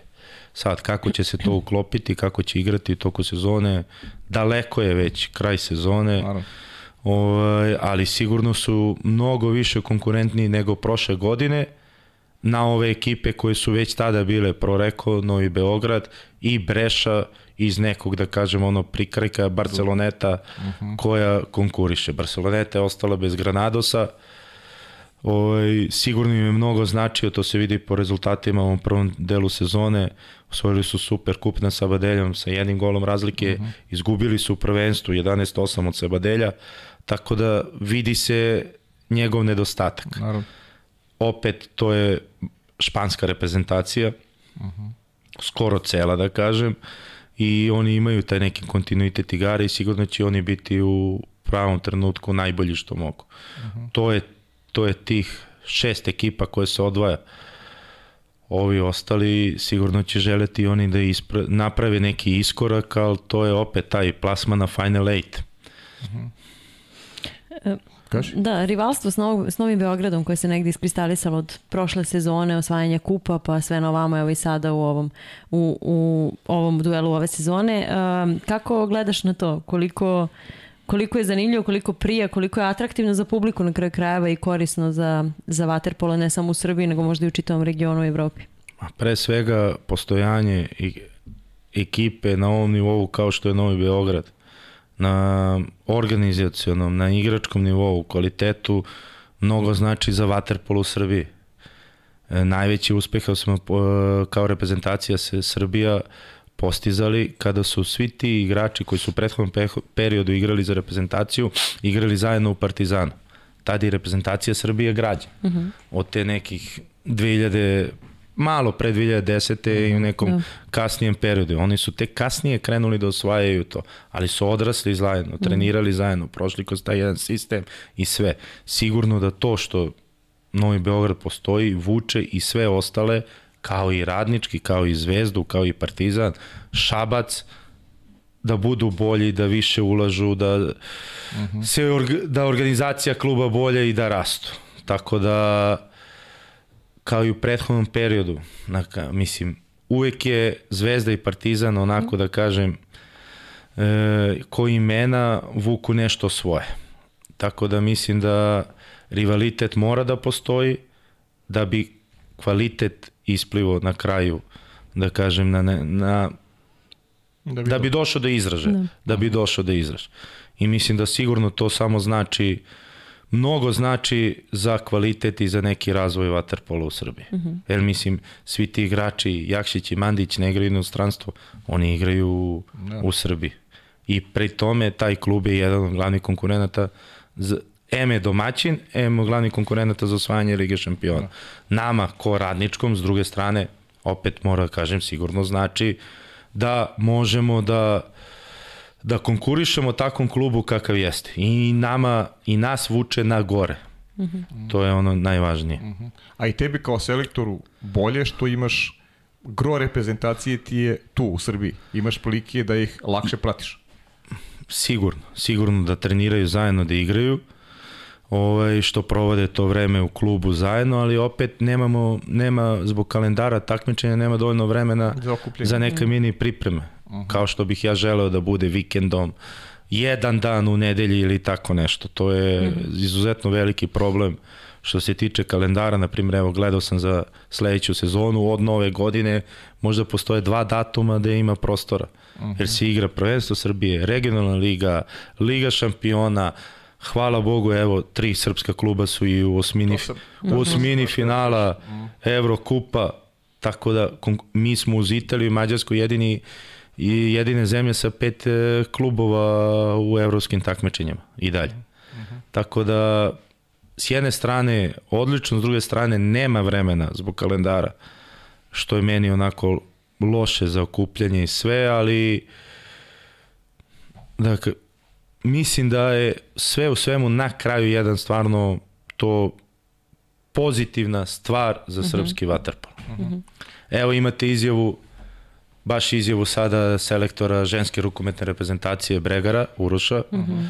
ovaj, gde je rekao da je Srbija jedina zemlja koja nema e, klub ko, kroz koje prolaze reprezentativne igračice. Igračice, tako je. Pa da, i ne igraju, mislim čak ne igraju. I to se odmah, i to se odmah oseti u reprezentaciji. Mm. Jeste. A to kupljenje koje si pričao, pa ćemo se vratiti na ova tri kluba da malo prokomentariš to iz ugla selektora. Ili ti ta okupljena znače više zbog nekog treninga uigravanja ili zbog neke hemije koje treba da napravi unutar ekipe? Ono što je bila tema ovde e, toko podcasta nije rezultat i deveto mesto iz mog nekog ugla Split e, na taj način tragično da, da zaslužuje toliko sada pažnju sme i vaterpolo da se oklizni da mu se desi kiks, već neki nedostatak hemije, to sam ja tako video. I da li su ta okupljenja važna da se napravi neki dobar ambijent, da igrači naviknu jedni na druge, ili ti je važniji zbog nekog treninga, uigravanja, ka pričaš o nedostatku termina? Pa sada će biti jedno i drugo. To neminovno. Mislim da novi trener, novi zadaci, uh mhm. -huh. Dejan je bio 10 godina selektor. Oni su znali i pre nego što dođu na pripreme druge, treće godine šta se od njih očekuje. Sada sve to mora da uvedemo, kako, kako da kažem, ne u novi sistem, sistem kao što ne, sam rekao postoji, je isti, ali neke nove sitnice, finese, zadatke koje će imati pojedinci, kako ih ja vidim i kako vidim uh mhm. -huh. reprezentaciju. Naravno da kroz ta okupljanja oni prave zajedničku atmosferu i sve, ali opet mislim da atmosfera to nije nikakav problem, ti momci su odrasli zajedno. Da. Uh, ovi koji su sada vodeći, oni su odrasli uh, sa ovom prethodnom generacijom i mislim da su videli, naučili i da znaju kako treba da se odnose prema, prema ovim mlađima i ovima koji su prošle godine u Pragu bili 2001. godište i mlađe svetski prvaci i ovi koji su ovo leto, eto, na primjer, proveli sa mnom i koji ću lagano uvoditi u sistem seniorske reprezentacije Srbije. Uh mhm. -huh. Ajmo sad još samo da ne zaboravim da mi ne pobegne misao. Uh, sam si rekao, tri kluba koji su se plasirala u šestatinu finala uh, Len Kupa. Uh, stvarno sve čestitke onako srce i Crvenoj zvezdi i Šapcu i Partizanu. Ili za tebe to bilo očekivano? Sad te pitam onako iz ugla selektora, uh, neko ko, ko prati sve klubove i sve igrače ili je možda tu neko iznenadio ovaj, u smislu, u smislu uh, takvog dostignuća? Pa očekivao sam sva tri kluba. I jesi? Jesam, jesam, iskreno. Samo, na primjer, Partizan posle prvog poraza i poslednje utakmice i igrao sa Strasburom kao domaćinom. Kao domaćinom, da. Oni su možda bili u, pre tu utakmicu malo upitni, ali opet bili su, oni su mlada ekipa, izuzetno plivački uh -huh. spremna i znao sam da to tom nekom sistemu takmičenja turnirskom, da posljednju utakmicu protiv Strasbura koji izuzetno opet kvalitetna ekipa, kvalitetnija od Partizana, ali su mlađi, spremniji, veću želju, volju imaju i verujem da su i na, nisam odleo utakmicu uh -huh. ovaj, i na taj način i dobili utakmicu. Uh -huh. Mislim da e, Šabac i Partizan imaju veliku šansu da se da prođu i osminu finala. Osminu. Osminu. Uh -huh. Je li osminu? Jeste, po šestestina finala. Da, osminu, osminu finala, finala da. dok je Zvezda realno izvukla naj, najtežeg mogućeg protivnika u ovom trenutku. Vašaš ekipa koja je bila konkurent i za grupnu fazu Lige yes. šampiona, ispalo je od Breše u dve utakmice, da kažem, na dva gola go i dva gola razlike, tako da pred Zvezdom je najteži ispit. Može da prođe, daleko od toga Zvezda ima kvalitet za to, ali mora da bude sigurno na svom maksimumu daleko više nego što je bila protiv e, Partizana i Novog Beograda, a i mnogo većem nego što su bili protiv Radničkog u jučerašnjoj utakmici. Ma da, bit će sigurno izazov veliki, pa držimo figi Dejanu da, naravno, da mislim, pripremi ekipu u najbolji mogući način. Pa naravno, ima vremena, mislim, 30. novembar i 15. decembar su datumi osmine finala. Da. Mislim da sve ekipe imaju dovoljno vremena da se pripreme za sve to. Da. Mada mora priznam da sam od srca onako navio da vaš uđe u, u Ligu šampiona, da gledamo još jednog trenera srpskog u Ligi šampiona i da, ali dobro, nije se desilo. Nažalost, izvukli su stvarno najteže rivala. Nisu mogli gore da prođu. Tako je, tako mm. je. E, Breša ekipa koja je dugi niz godina ovaj, u istom sastavu, Yes. Trener je tu ne znam koliko već godina. Ja ne znam da li igde bio na nekom drugom mjestu, koliko je dugo tamo. Šali se. Pa, bila je priča, sad. dan ili dan, ja mislim da je jedan dan možda proveo u Proreku, pre nego što se vratio u Brešu. Jedan dan, eto. Od prilike kad je dobio ponudu. Da. I kad je prihvatio, možda je dan bio. Ne, ne, stvarno ne znam detalje. Da. To je ekipa koja ima i tradiciju i istoriju i trener koji tamo uspostavio svoj sistem, igrači koji igraju u tom sistemu duži niz godine i u ovom trenutku, početku sezone, tako jedna bitna utakmica da se igra proti takve ekipe koje je toliko zajedno. Ma da. Izuzetno teško. Izuzetno teško i Vašaš je bio oslabljen igran bez Konarika, jednog mađarskog reprezentativca igraju u Splitu, uh mhm. -huh. bez njega su igrali, ovaj, tako da previše za njih u ovom trenutku, nažalost. Da. Nadam se i u smini finala. Da, da se ne naljute ovi Boris, Đole i Edvin, ali navio sam za, za vaš ovi to meč. Uvijek ima neko da se ljuti sa ovih prostora, da, kad tako pogledaš. Jest, jest. Da, evo ne znam za vas dvojice, ja nisam znala, Špandov je otkazao najverovatniju utakmicu sa Novim Beogradom na početku Ligi šampiona sada. Što? Ne, uh, korona, Nis... da. A, korona, nisam Ove, znao. Odnosno, otkazan je zvanično meč Nemačkog Superkupa, očekuje se da Len sada potvrdi otkazivanje ove utakmice prvog kola. E, eto, još, još, jedna, još jedna stvar koju, koju nismo pričali, a znam da ovo nije prvi slučaj. U neki drugim sportima sve dešava. Opet pričamo o temi koja koja, ovaj, koji smo negde zaboravili, korona. Pa dobro, pa, znaš... Bolje, na, na kalendar. Bolje da pričamo opet o koroni nego o ratu u Ukrajini. A dobro, da. da to je tačno. Pa dobro, znaš šta, uh, mislim, ajde ja ću sad opet onako kao tradicionalno da uputim kritiku Lenu, ali postoje način da se izborimo sa takvim stvarima. To su pokazala razna takmičenja, što velika, mislim na NBA, što neka manja. Uh, Tako da mislim dobro, da je tu samo početak sezone, faza ovo... pripreme najbitnija za ono što, što ti predstoji. Sad bili smo jednom nespremni za koronu, malo mi je nelogično da svaki sledeći put budemo Špando je bio kod nas na pripremama prošle nedelje od ponedeljka do četvrtka. Je tako? Znači, treba brati pažnju ovaj. Da. Na, noć, na noćni promen. život u Kragujevcu, da, da. četvrtkom uveče. četvrtkom uveče, da.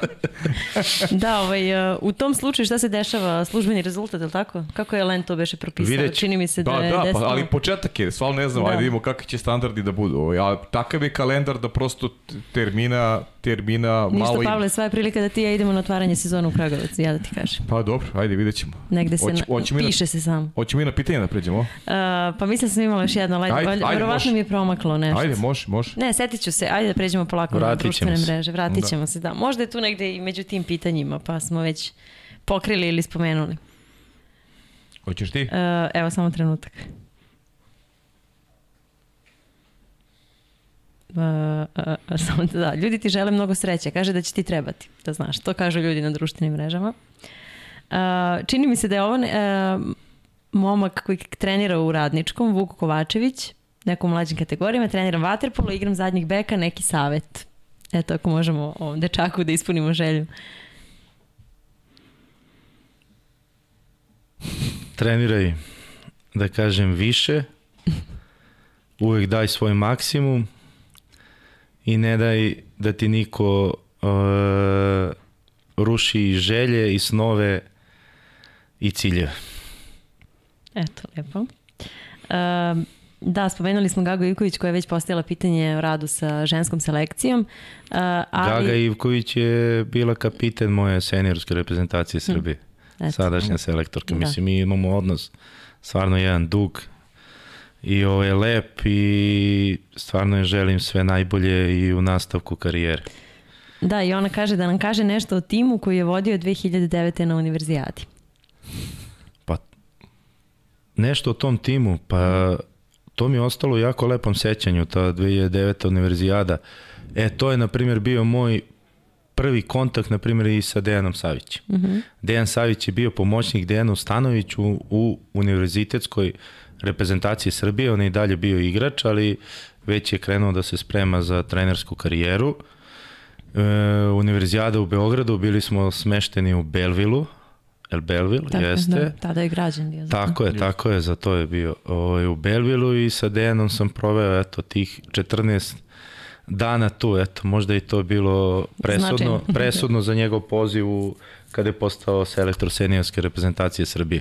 Što se te ekipe, ženske univerzitetske ekipe, to je bila seniorska ovaj, reprezentacija Srbije, imali smo, da kažem, i jako dobar rezultat, možda u tom trenutku mu jedan od e, najboljih što se tiče seniorskih takmičenja u ženskom vaterpolu, mi završili smo sedmi. Mm -hmm. Imali smo jako dobru, dobre utakmice, sećam se i sa Japanom i sa Italijom pre svega i sa Mađarskom. Eto, ostalo mi u stvarno dobrom sećanju tada. Pavle, ja izgledamo kao da te ne slušamo, ali listamo pitanja, sve okej. Okay. Da. I ne slušate. Slušam. Ne, bilo je, bilo je nekoliko pitanja, bar kod mene, o, ovaj, o, o Ćuku, to si već rekao, tako da nećemo... A to je kod Aleksandra, isto i Aleksandra je, Aleksandra Milošević, naša ko uvek postavlja, ona isto pitala za Ćuka Dedovića i za, i za Nemanju Ubovića, to je bilo njeno pitanje ili već si odgovarao na, na, na ta pitanja. Čekaj da vidimo dalje. Aleksandra ima još pitanja. Samo da vidimo. Da, koliko, koliko, je, koliko opterećujuće uh, za tebe uh, su rezultati koje je ostvario uh, Dejan Savić i razmišljanje eto, o tom nekom uh, nasliđu da moraš da, da nastaviš tim putem ili to samo prestaje dodatni motiv? Pa nije uopšte, opte, mislim da je to normalno. Uh -huh. uh, ciljevi Vaterpolo Saveza, pogotovo u seniorskoj reprezentaciji, uvek su najveći. Uh mhm. -huh. Koliko ćemo mi moći, koliko, koliko će biti maksimum u datom trenutku, to ćemo videti, ali cilj, kak, ka, kakav god da je situacija, koji god da je trenutak, e, kakav god da je perspektiva, su uvek najveći. Uh mhm. -huh. Znači, osvajanje medalje na svim takmičenjima na kojima učestvujemo. Uh mhm. -huh. Da li može da se nastavi taj niz, izuzetno, zlatnih medalja izuzetno, izuzetno teško, ali opet ako nemamo taj, taj cilj pred sobom, onda nećemo ni doći do njega. E, pozdrav veliki za Aleksu Petrovskog iz Kragu Sporta, imamo saradnju sa Kragu Sportom kad god dođe neko ko a, je iz Radničkog, pa eto neka pitanja koje su a, posjetioci sajta ovaj, poslali i nama, pa E, kako si zadovoljan životom u Kragujevcu? Pa lepo je, eto. Ja sam došao septembra 2013. Evo sad je već 2022. Ti si već Kragujevčanin? 9 godina Kragujevčanin sam jer sam se oženio tamo, tako da uh -huh. ni, ništa mi ne fali. Čak i više uživam i juče i dana što sam proveo u Beogradu još više me uverilo što sam proveo u Beogradu u saobraćaju još više me uverilo da stvarno uživam u Kragujevcu jer svaka destinacija mi je hvala Bogu 20 minuta peške uh mhm. -huh. što sam juče i danas shvatio stvarno kao jedan luksuz u sadašnje vreme i u ovakvom životu. Uh mhm. -huh. Da li planira ponovo da zaigra za FK Divostin? teško. U ovom trenutku ovako fizički spreman, mislim da, da je to skoro nemoguće. Znači ništa, kraj futbolske karijere, a? Definitivno, ne, mislim, kraj je bio pre nego što je počeo. Dobro, čekaj da idemo dalje. E, koga u grupi Lige šampiona vidi kao najveći rivala za F8? Pa kao što sam malo pre rekao, mhm. -huh. ovaj, Jadran Split i Vuljeg meni. Jadran i Vuljeg meni, da. Te tri ekipe sigurno će se boriti za jedno mesto koje vodi na Final Eight. E, mislim da ni Barceloneta više nije nedodirljiva, ali opet mislim da je zbog, zbog kontinuiteta koji ima u Ligi šampiona i svega ipak korak ispred i dalje. Ali daleko od toga da, da nije ekipa koja ne može da se pobedi. Uh -huh. e, da li radnički sa Vicom, Vrlićem i Gavrilovićem ima najjaču centarsku liniju na svetu? Pa mislim da nije. Evo, već se videlo u utakmici juče. Uh -huh. Sa crvenom zvezdom. Dobro. I čekaj da da li imaš neko pitanje koje... Da, dobro, ovo si odgovorio. Da li si očekivao poziv Saveza nakon ostavke Savić, Savića? Da li će biti novih lica? To smo već komentarisali. Kako ocenjuje suprotnu grupu Lige šampiona? Koga vidi na Final Eight? Eto, ok, to dobro pitanje, nismo pričali o tom. Pa jako neizvesno. Uh -huh. Znači, sigurno jako neizvesno. Novi Beograd i Ferenc Varu su ekipe koje odskaču. Ovaj, sigurno da za preostala dva mesta najviše vidim Jug, Jug Marse i Sabadelj. Uh -huh. Jug, Marse i Sabadelj? Hmm. Da. Uh -huh. Dobro, Sabadelj koji je odlično otvorio sezonu. Odlično, mislim, da. to je ekipa koja ima kontinuitet. Ove, prošle godine je osvojila i Len Kup, tako da sasvim zasluženo su se ove godine plasirali, plasirali uh -huh. ovaj, u Ligu šampiona da. i mislim da i to, i to bi značilo za jedan iskorak veći od onih njihovih tre, e, ambicija koje su bile u pret, proteklim godinama. Uh -huh. Jelena Stanović samo te pozdravlja, kaže velika podrška, poštovanje, najlepše želje za novog selektora. Ok, e, Vedra Milošević, da, da ne zaborim.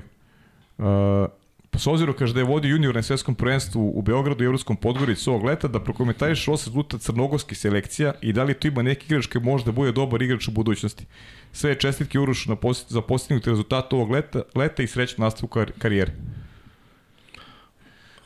Pa oni su, oni su, u Beogradu mislim da da ih je, u Beogradu su pobedili Španiju u grupi i mislim da ih je to previše, kako se zove, opustilo pred e, četiri finale da su iz, iz, uh mhm. -huh. ispali od Holandije, ja mislim. Ja mislim da su Holandije, da. A sad mi stao mozak, ali mislim da je tako, uh -huh. ovo mhm. sad na pamet pričam, ono, ovaj, i to, ali za evropsko prvenstvo u Podgorici gde su imali najveće ambicije, jer su imali tri igrača koji su bili u Splitu u seniorskoj uh mhm. konkurenciji, mislim da je i opet, kao i nama, stvarno jedan splet okolnosti, ti momci su proveli sa seniorskom reprezentacijom celo leto, priključili se ovim momcima, znači sedam dana, pet dana su imali zajedničkih priprema pred evropsko prvenstvo. Oni su je, imali kvalitet, imali su ambiciju stvarno ogromnu, ali, na primjer, i taj centar e, Jovan Vujović, koji je stvarno jako, jako perspektivan, uh -huh. uz Vasilija Radovića, O, Jovan Vujović je povredio šaku u drugom u meču u grupi sa Španijom. Uh -huh. I bukvalno nije ni igrao do, do kraja prvenstva.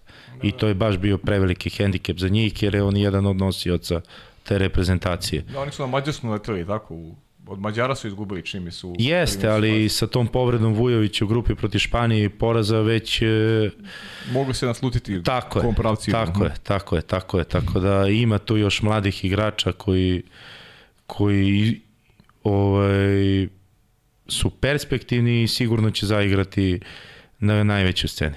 Uh -huh. Ti? Mogu ja. Može. Jedno neozbiljno, jedno ozbiljno pitanje. Uh, hobi, zanimanja, interesovanja van vaterpola, veliki ljubitelj futbala, malo smo čuli pre ovog oficijalnog dijela razgovora, a i u prenosima na sport klubu pojedinih futbolskih mečeva. Da. ovaj, bio si na Old Traffordu između ostalih stadiona u Engleskoj. Ti i Tom Brady, dodušao na malo boljim mestima, što bi rekao naš kolega Lončarević. ovaj, koliko te zanima to, koliko sad imaš vremena pratiš, koliko ćeš imati vremena i na koji način ovaj, sve stižeš da ispratiš od sporta? Ja i Tom Brady, ali bez ovaj Žizel. Žizel. Ona je prošlost. Posle su se i razveli, ali nećemo da, da. detaljem. Žizel je prošlost. Tom je budućnost. da.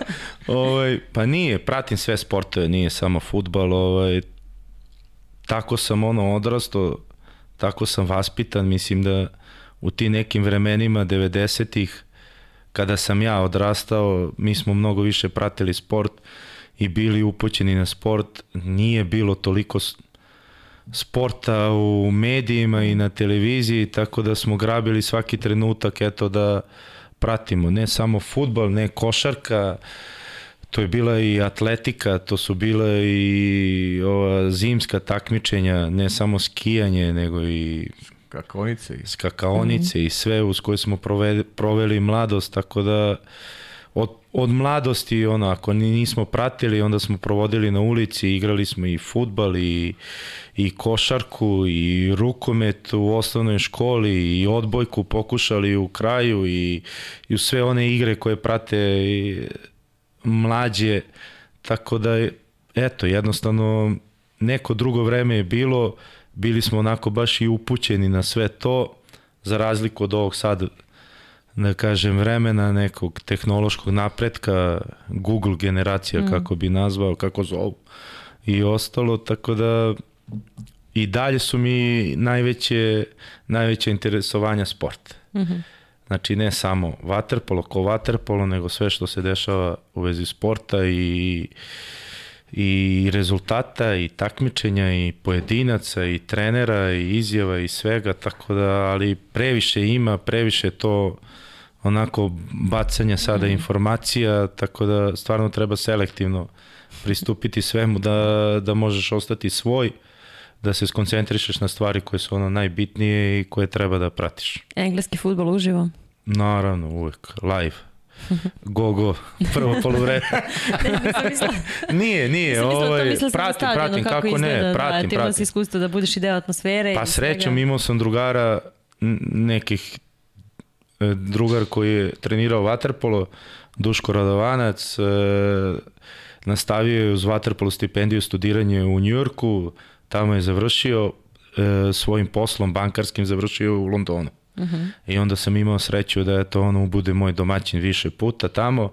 Imao sam gde da ostanem, ko da mi obezbedi vizu, tako da kad god sam mogao, išao sam u da gledam. E, omiljena ekipa, naravno, West Ham, e, Čekićari, iz istočnog Londona, nekako su me privukli nekom tradicijom, istorijom, ne samo navijačkom, nego eto i mogu da uporedim sa ovim mojim poslom kojim se bavim, izuzetno izuzetno su imali e, školu futbala uh mhm. -huh. i igrači koji su bili i sada su među glavnim u engleskoj reprezentaciji, ne uh mhm. -huh. sada, ali eto, malo godina ranije, su ponikli u njihovoj školi futbala od da spomenem, možda ljudi ne znaju, da a? Što da ne? Od Ria Ferdinanda do Michael Kerrika, Frank Lampard, Frank, Frank Lampard, Lampard da. Joe Cole, Jermaine Defoe, Glenn Johnson, tako da eto, to je ekipa za koju dalje navijam i pratim, ali i oni više nisu mali klub. Da. Ovaj, preselili su se na olimpijski stadion u Londonu, eto, gde sam i bio na olimpijskim mm -hmm. igrama 2012. i postali su veliki klub, ali vidjet ćemo, prošla sezona je bila jako uspešna, ova sada malo krenula malo lošije, ali sasvim normalno za njih. Da. Uh, I ovo drugo ozbiljno, ali nema mnogo da ozbiljimo temu. Uh, ovaj, nekoliko puta smo ovdje u emisiji već, naročito od ovog leta nadalje, kritikovali Len i sve njihove odluke, mislim većinu odluka. I sad smo pričali nekoliko puta o tom kalendaru, ajde imali su stvarno veliki izazov da se izbore sa svim onim odloženim takmičenjima. E sad, ja moram malo kao da stavim kočnicu na to, ja sam stvarno ono najglasnija u tome, naročito posle Splita, jer sam ja tamo bila kao novinar i ono susrela se direktno sa milion nekih nelogičnih stvari kada je reč o tom medijskom delu, a mogu misliti tek o ovom bazenu. E, međutim, negde smo svi mi koji sa strane gledamo Vatrepolo stvarno godinama unazad tražili da on bude popularizovan, da bude što više toga na televiziji, da nam bude prisutan pa evo sad imamo i u gradu, ono desi se kao ajmo večeras na utakmicu jer kao dostupno ti je, stvarno možeš da gledaš. I želeli smo veći broj utakmica i evropsku scenu i da sve to izgleda tako lepo i tako dalje. I sada konačno to imamo i sad mi malo onako kritikujemo sa ove druge strane broj utakmica, sve to liči na NBA i tako dalje. Koliko je to u neku ruku dobro i kao treba prihvatiti breme svega toga i sve ono što možda negativno donosi, a koliko u neku ruku vi prvi imate razloga da kritikujete pojedine odluke Lena, tu mislim i na promenu pravila, igre, mislim i na te neke odluke. Eto, imali smo neku konfuziju, čini mi se, pre ovog leta, kad će se šta igrati, gde je, koje su lokacije tih velikih takmičenja, pa i to da imamo tri velike takmičenja za jedno leto i takve neke stvari. Mnogo odluka se tu donosi u hodu, eto još uvek nemamo zvanično sistem takmičenja za evropsko prvenstvo i tako dalje. E, gde je negde sredina, kako je pronaći i šta više volimo, ajde, možemo da odlučimo na kojoj smo strani.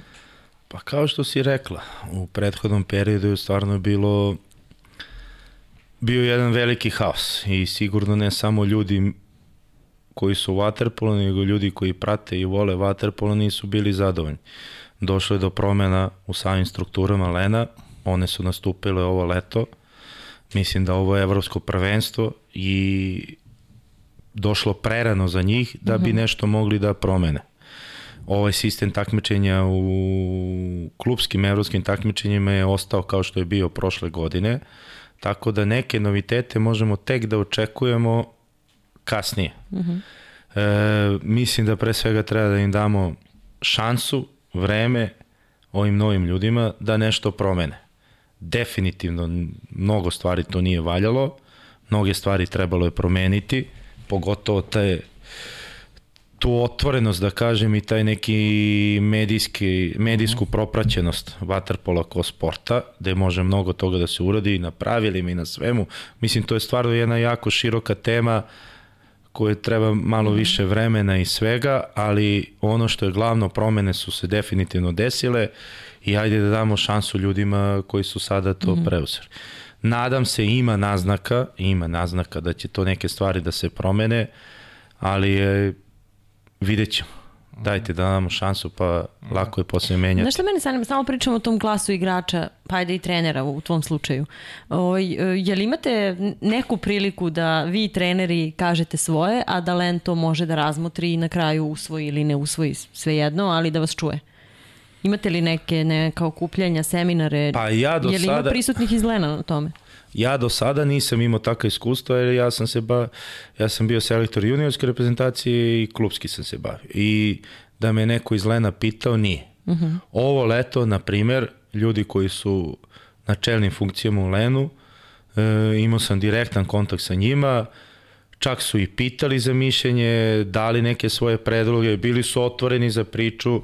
E, mogu sada jedan primer da dam što se tiče e, sistema Lige šampiona za sledeću godinu, poslali su upit svim klubovima da se izjasne e, u vezi prethodnog sistema, šta bi menjali i koji je njihov predlog za, mm -hmm. za u budući. Mislim da je i to iskorak i napredak pomak, da. u odnosu na, na ovo što je bilo do sada. Mislim, ja sam imao direktno sa Milošem Račevićem iz Crnogorskog mm -hmm. vaterpolo saveza, čoveka koji je sada u Lenu, tako da ako on tako razmišlja, verujem da i svi ostali tako razmišljaju i postoji prostor da se sve to promeni. Mm -hmm. Koliko šta, vidjet ćemo. Definitivno. Desili su se promene za kojima smo, eto, kukali, plakali toliki niz godina. Sada mislim da treba im dati šansu, treba im dati da. vremena, mm -hmm. treba im dati prostora. Nije samo Len, Len pre svega nije Len kriv za kalendar sledeće godine, da. pre svega to FINA. FINA, da. FINA zbog, Ta svetskog, je zbog isto. svetskog prvenstva i tu sam čuo da ima nekih, da kažem, boljih kontakta, bolje komunikacije, nek prođe sledeća mm -hmm. godina pa da vidimo kako će mm -hmm. biti od Pariza 2024.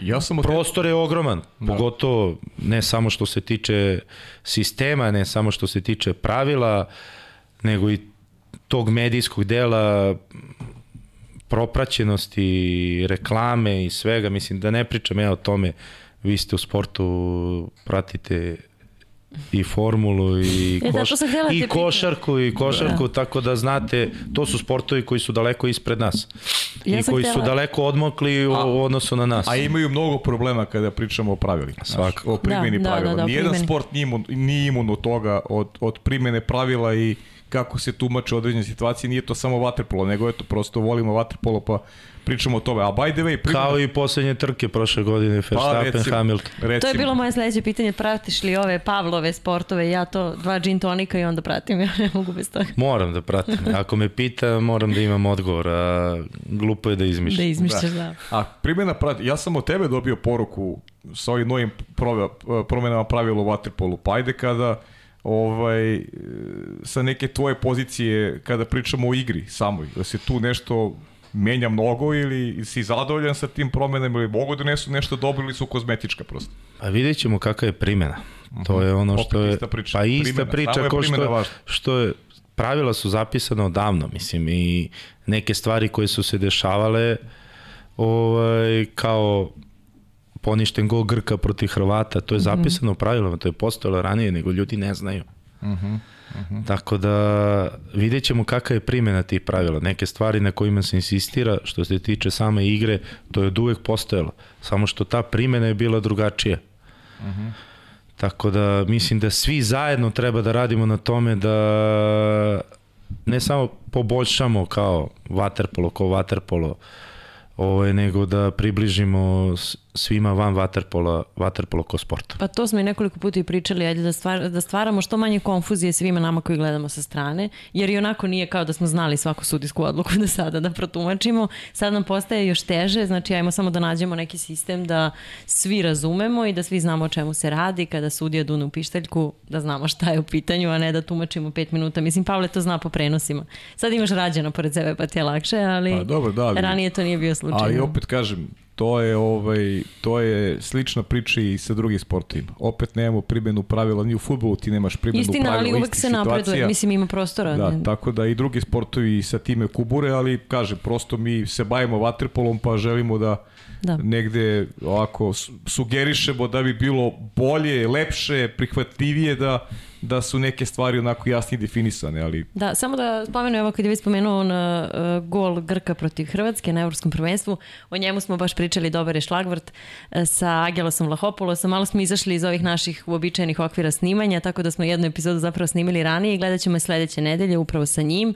I ovaj, zanimljivo je šta on misli o tom golu, sad zato da je njegov gol u stvari bio u pitanju taj sporan, odnosno kontroverzan. I o celoj toj priči o, o Lenu i pravilima, pa eto ja bih da najavimo malo i tu epizodu kad već ovaj, znamo o čemu se radi. E, stvarno je interesantno, onako iz ugla igrača, a vrlo objektivno s druge strane, ne mogu da kažem da je... Sledeće da nedelje, sledeće da. nedelje obavezno da se pogleda. Da. Jesmo li prošli sva pitanja? Pa, ja, ja bih ostavio samo za kraj da čisto, da čisto ovaj, ne ostupimo od onoga što je eto i neka Aleksandrina ideja, pozdrav za Aleksandru Milošić, ona ima neka neku novu rubriku koju je ustanovila, pa ću samo eto dva pitanja da iskoristim iz te rubrike da nisam ni planirao da ćemo ovoliko da, da ćemo ovoliko da trajemo najiskrenije, ali prosto ovaj, kad Juroš ovde ovaj, ne može da bude drugačije. Jel ti to žuriš negde? Pa? Ja ne žurim uopšte, ali e, koji je, e, kaže, koji je na vaše najveće razočarenje i najteži poraz? Pa najteži poraz je poraz u finalu Lige šampiona. Uh -huh. U Barceloni od Barcelonete i moram uz to da stavim taj kup kup, uh -huh. finale kupa protiv Crvene zvezde na Banjici. Uh -huh. Da li imaš svakodnevni neki ritual ili ritual pred meča? Pa verovatno imam, a da nisam ni svestan toga.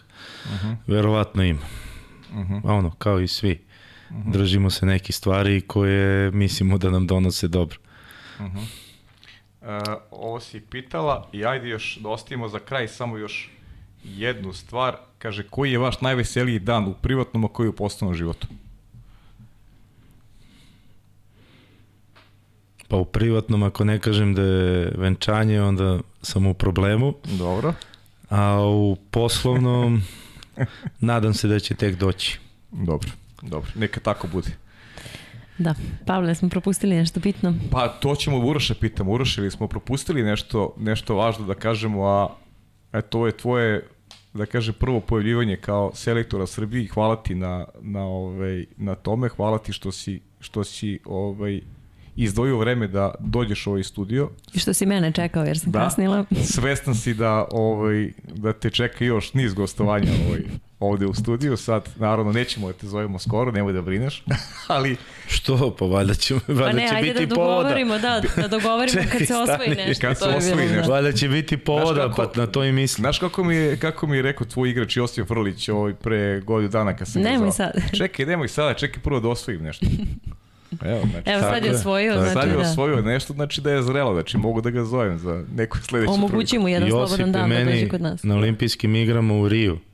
Uh mhm. -huh. Brazil je dobio Srbiju, on je igrao za Brazil. Jeste. Uh -huh. da. Posle utakmice, znači ispred bazena, bile su neke stepenice, on kaže, ma nemoj da brineš, mi završavamo osmi, vi ćete da osvojite.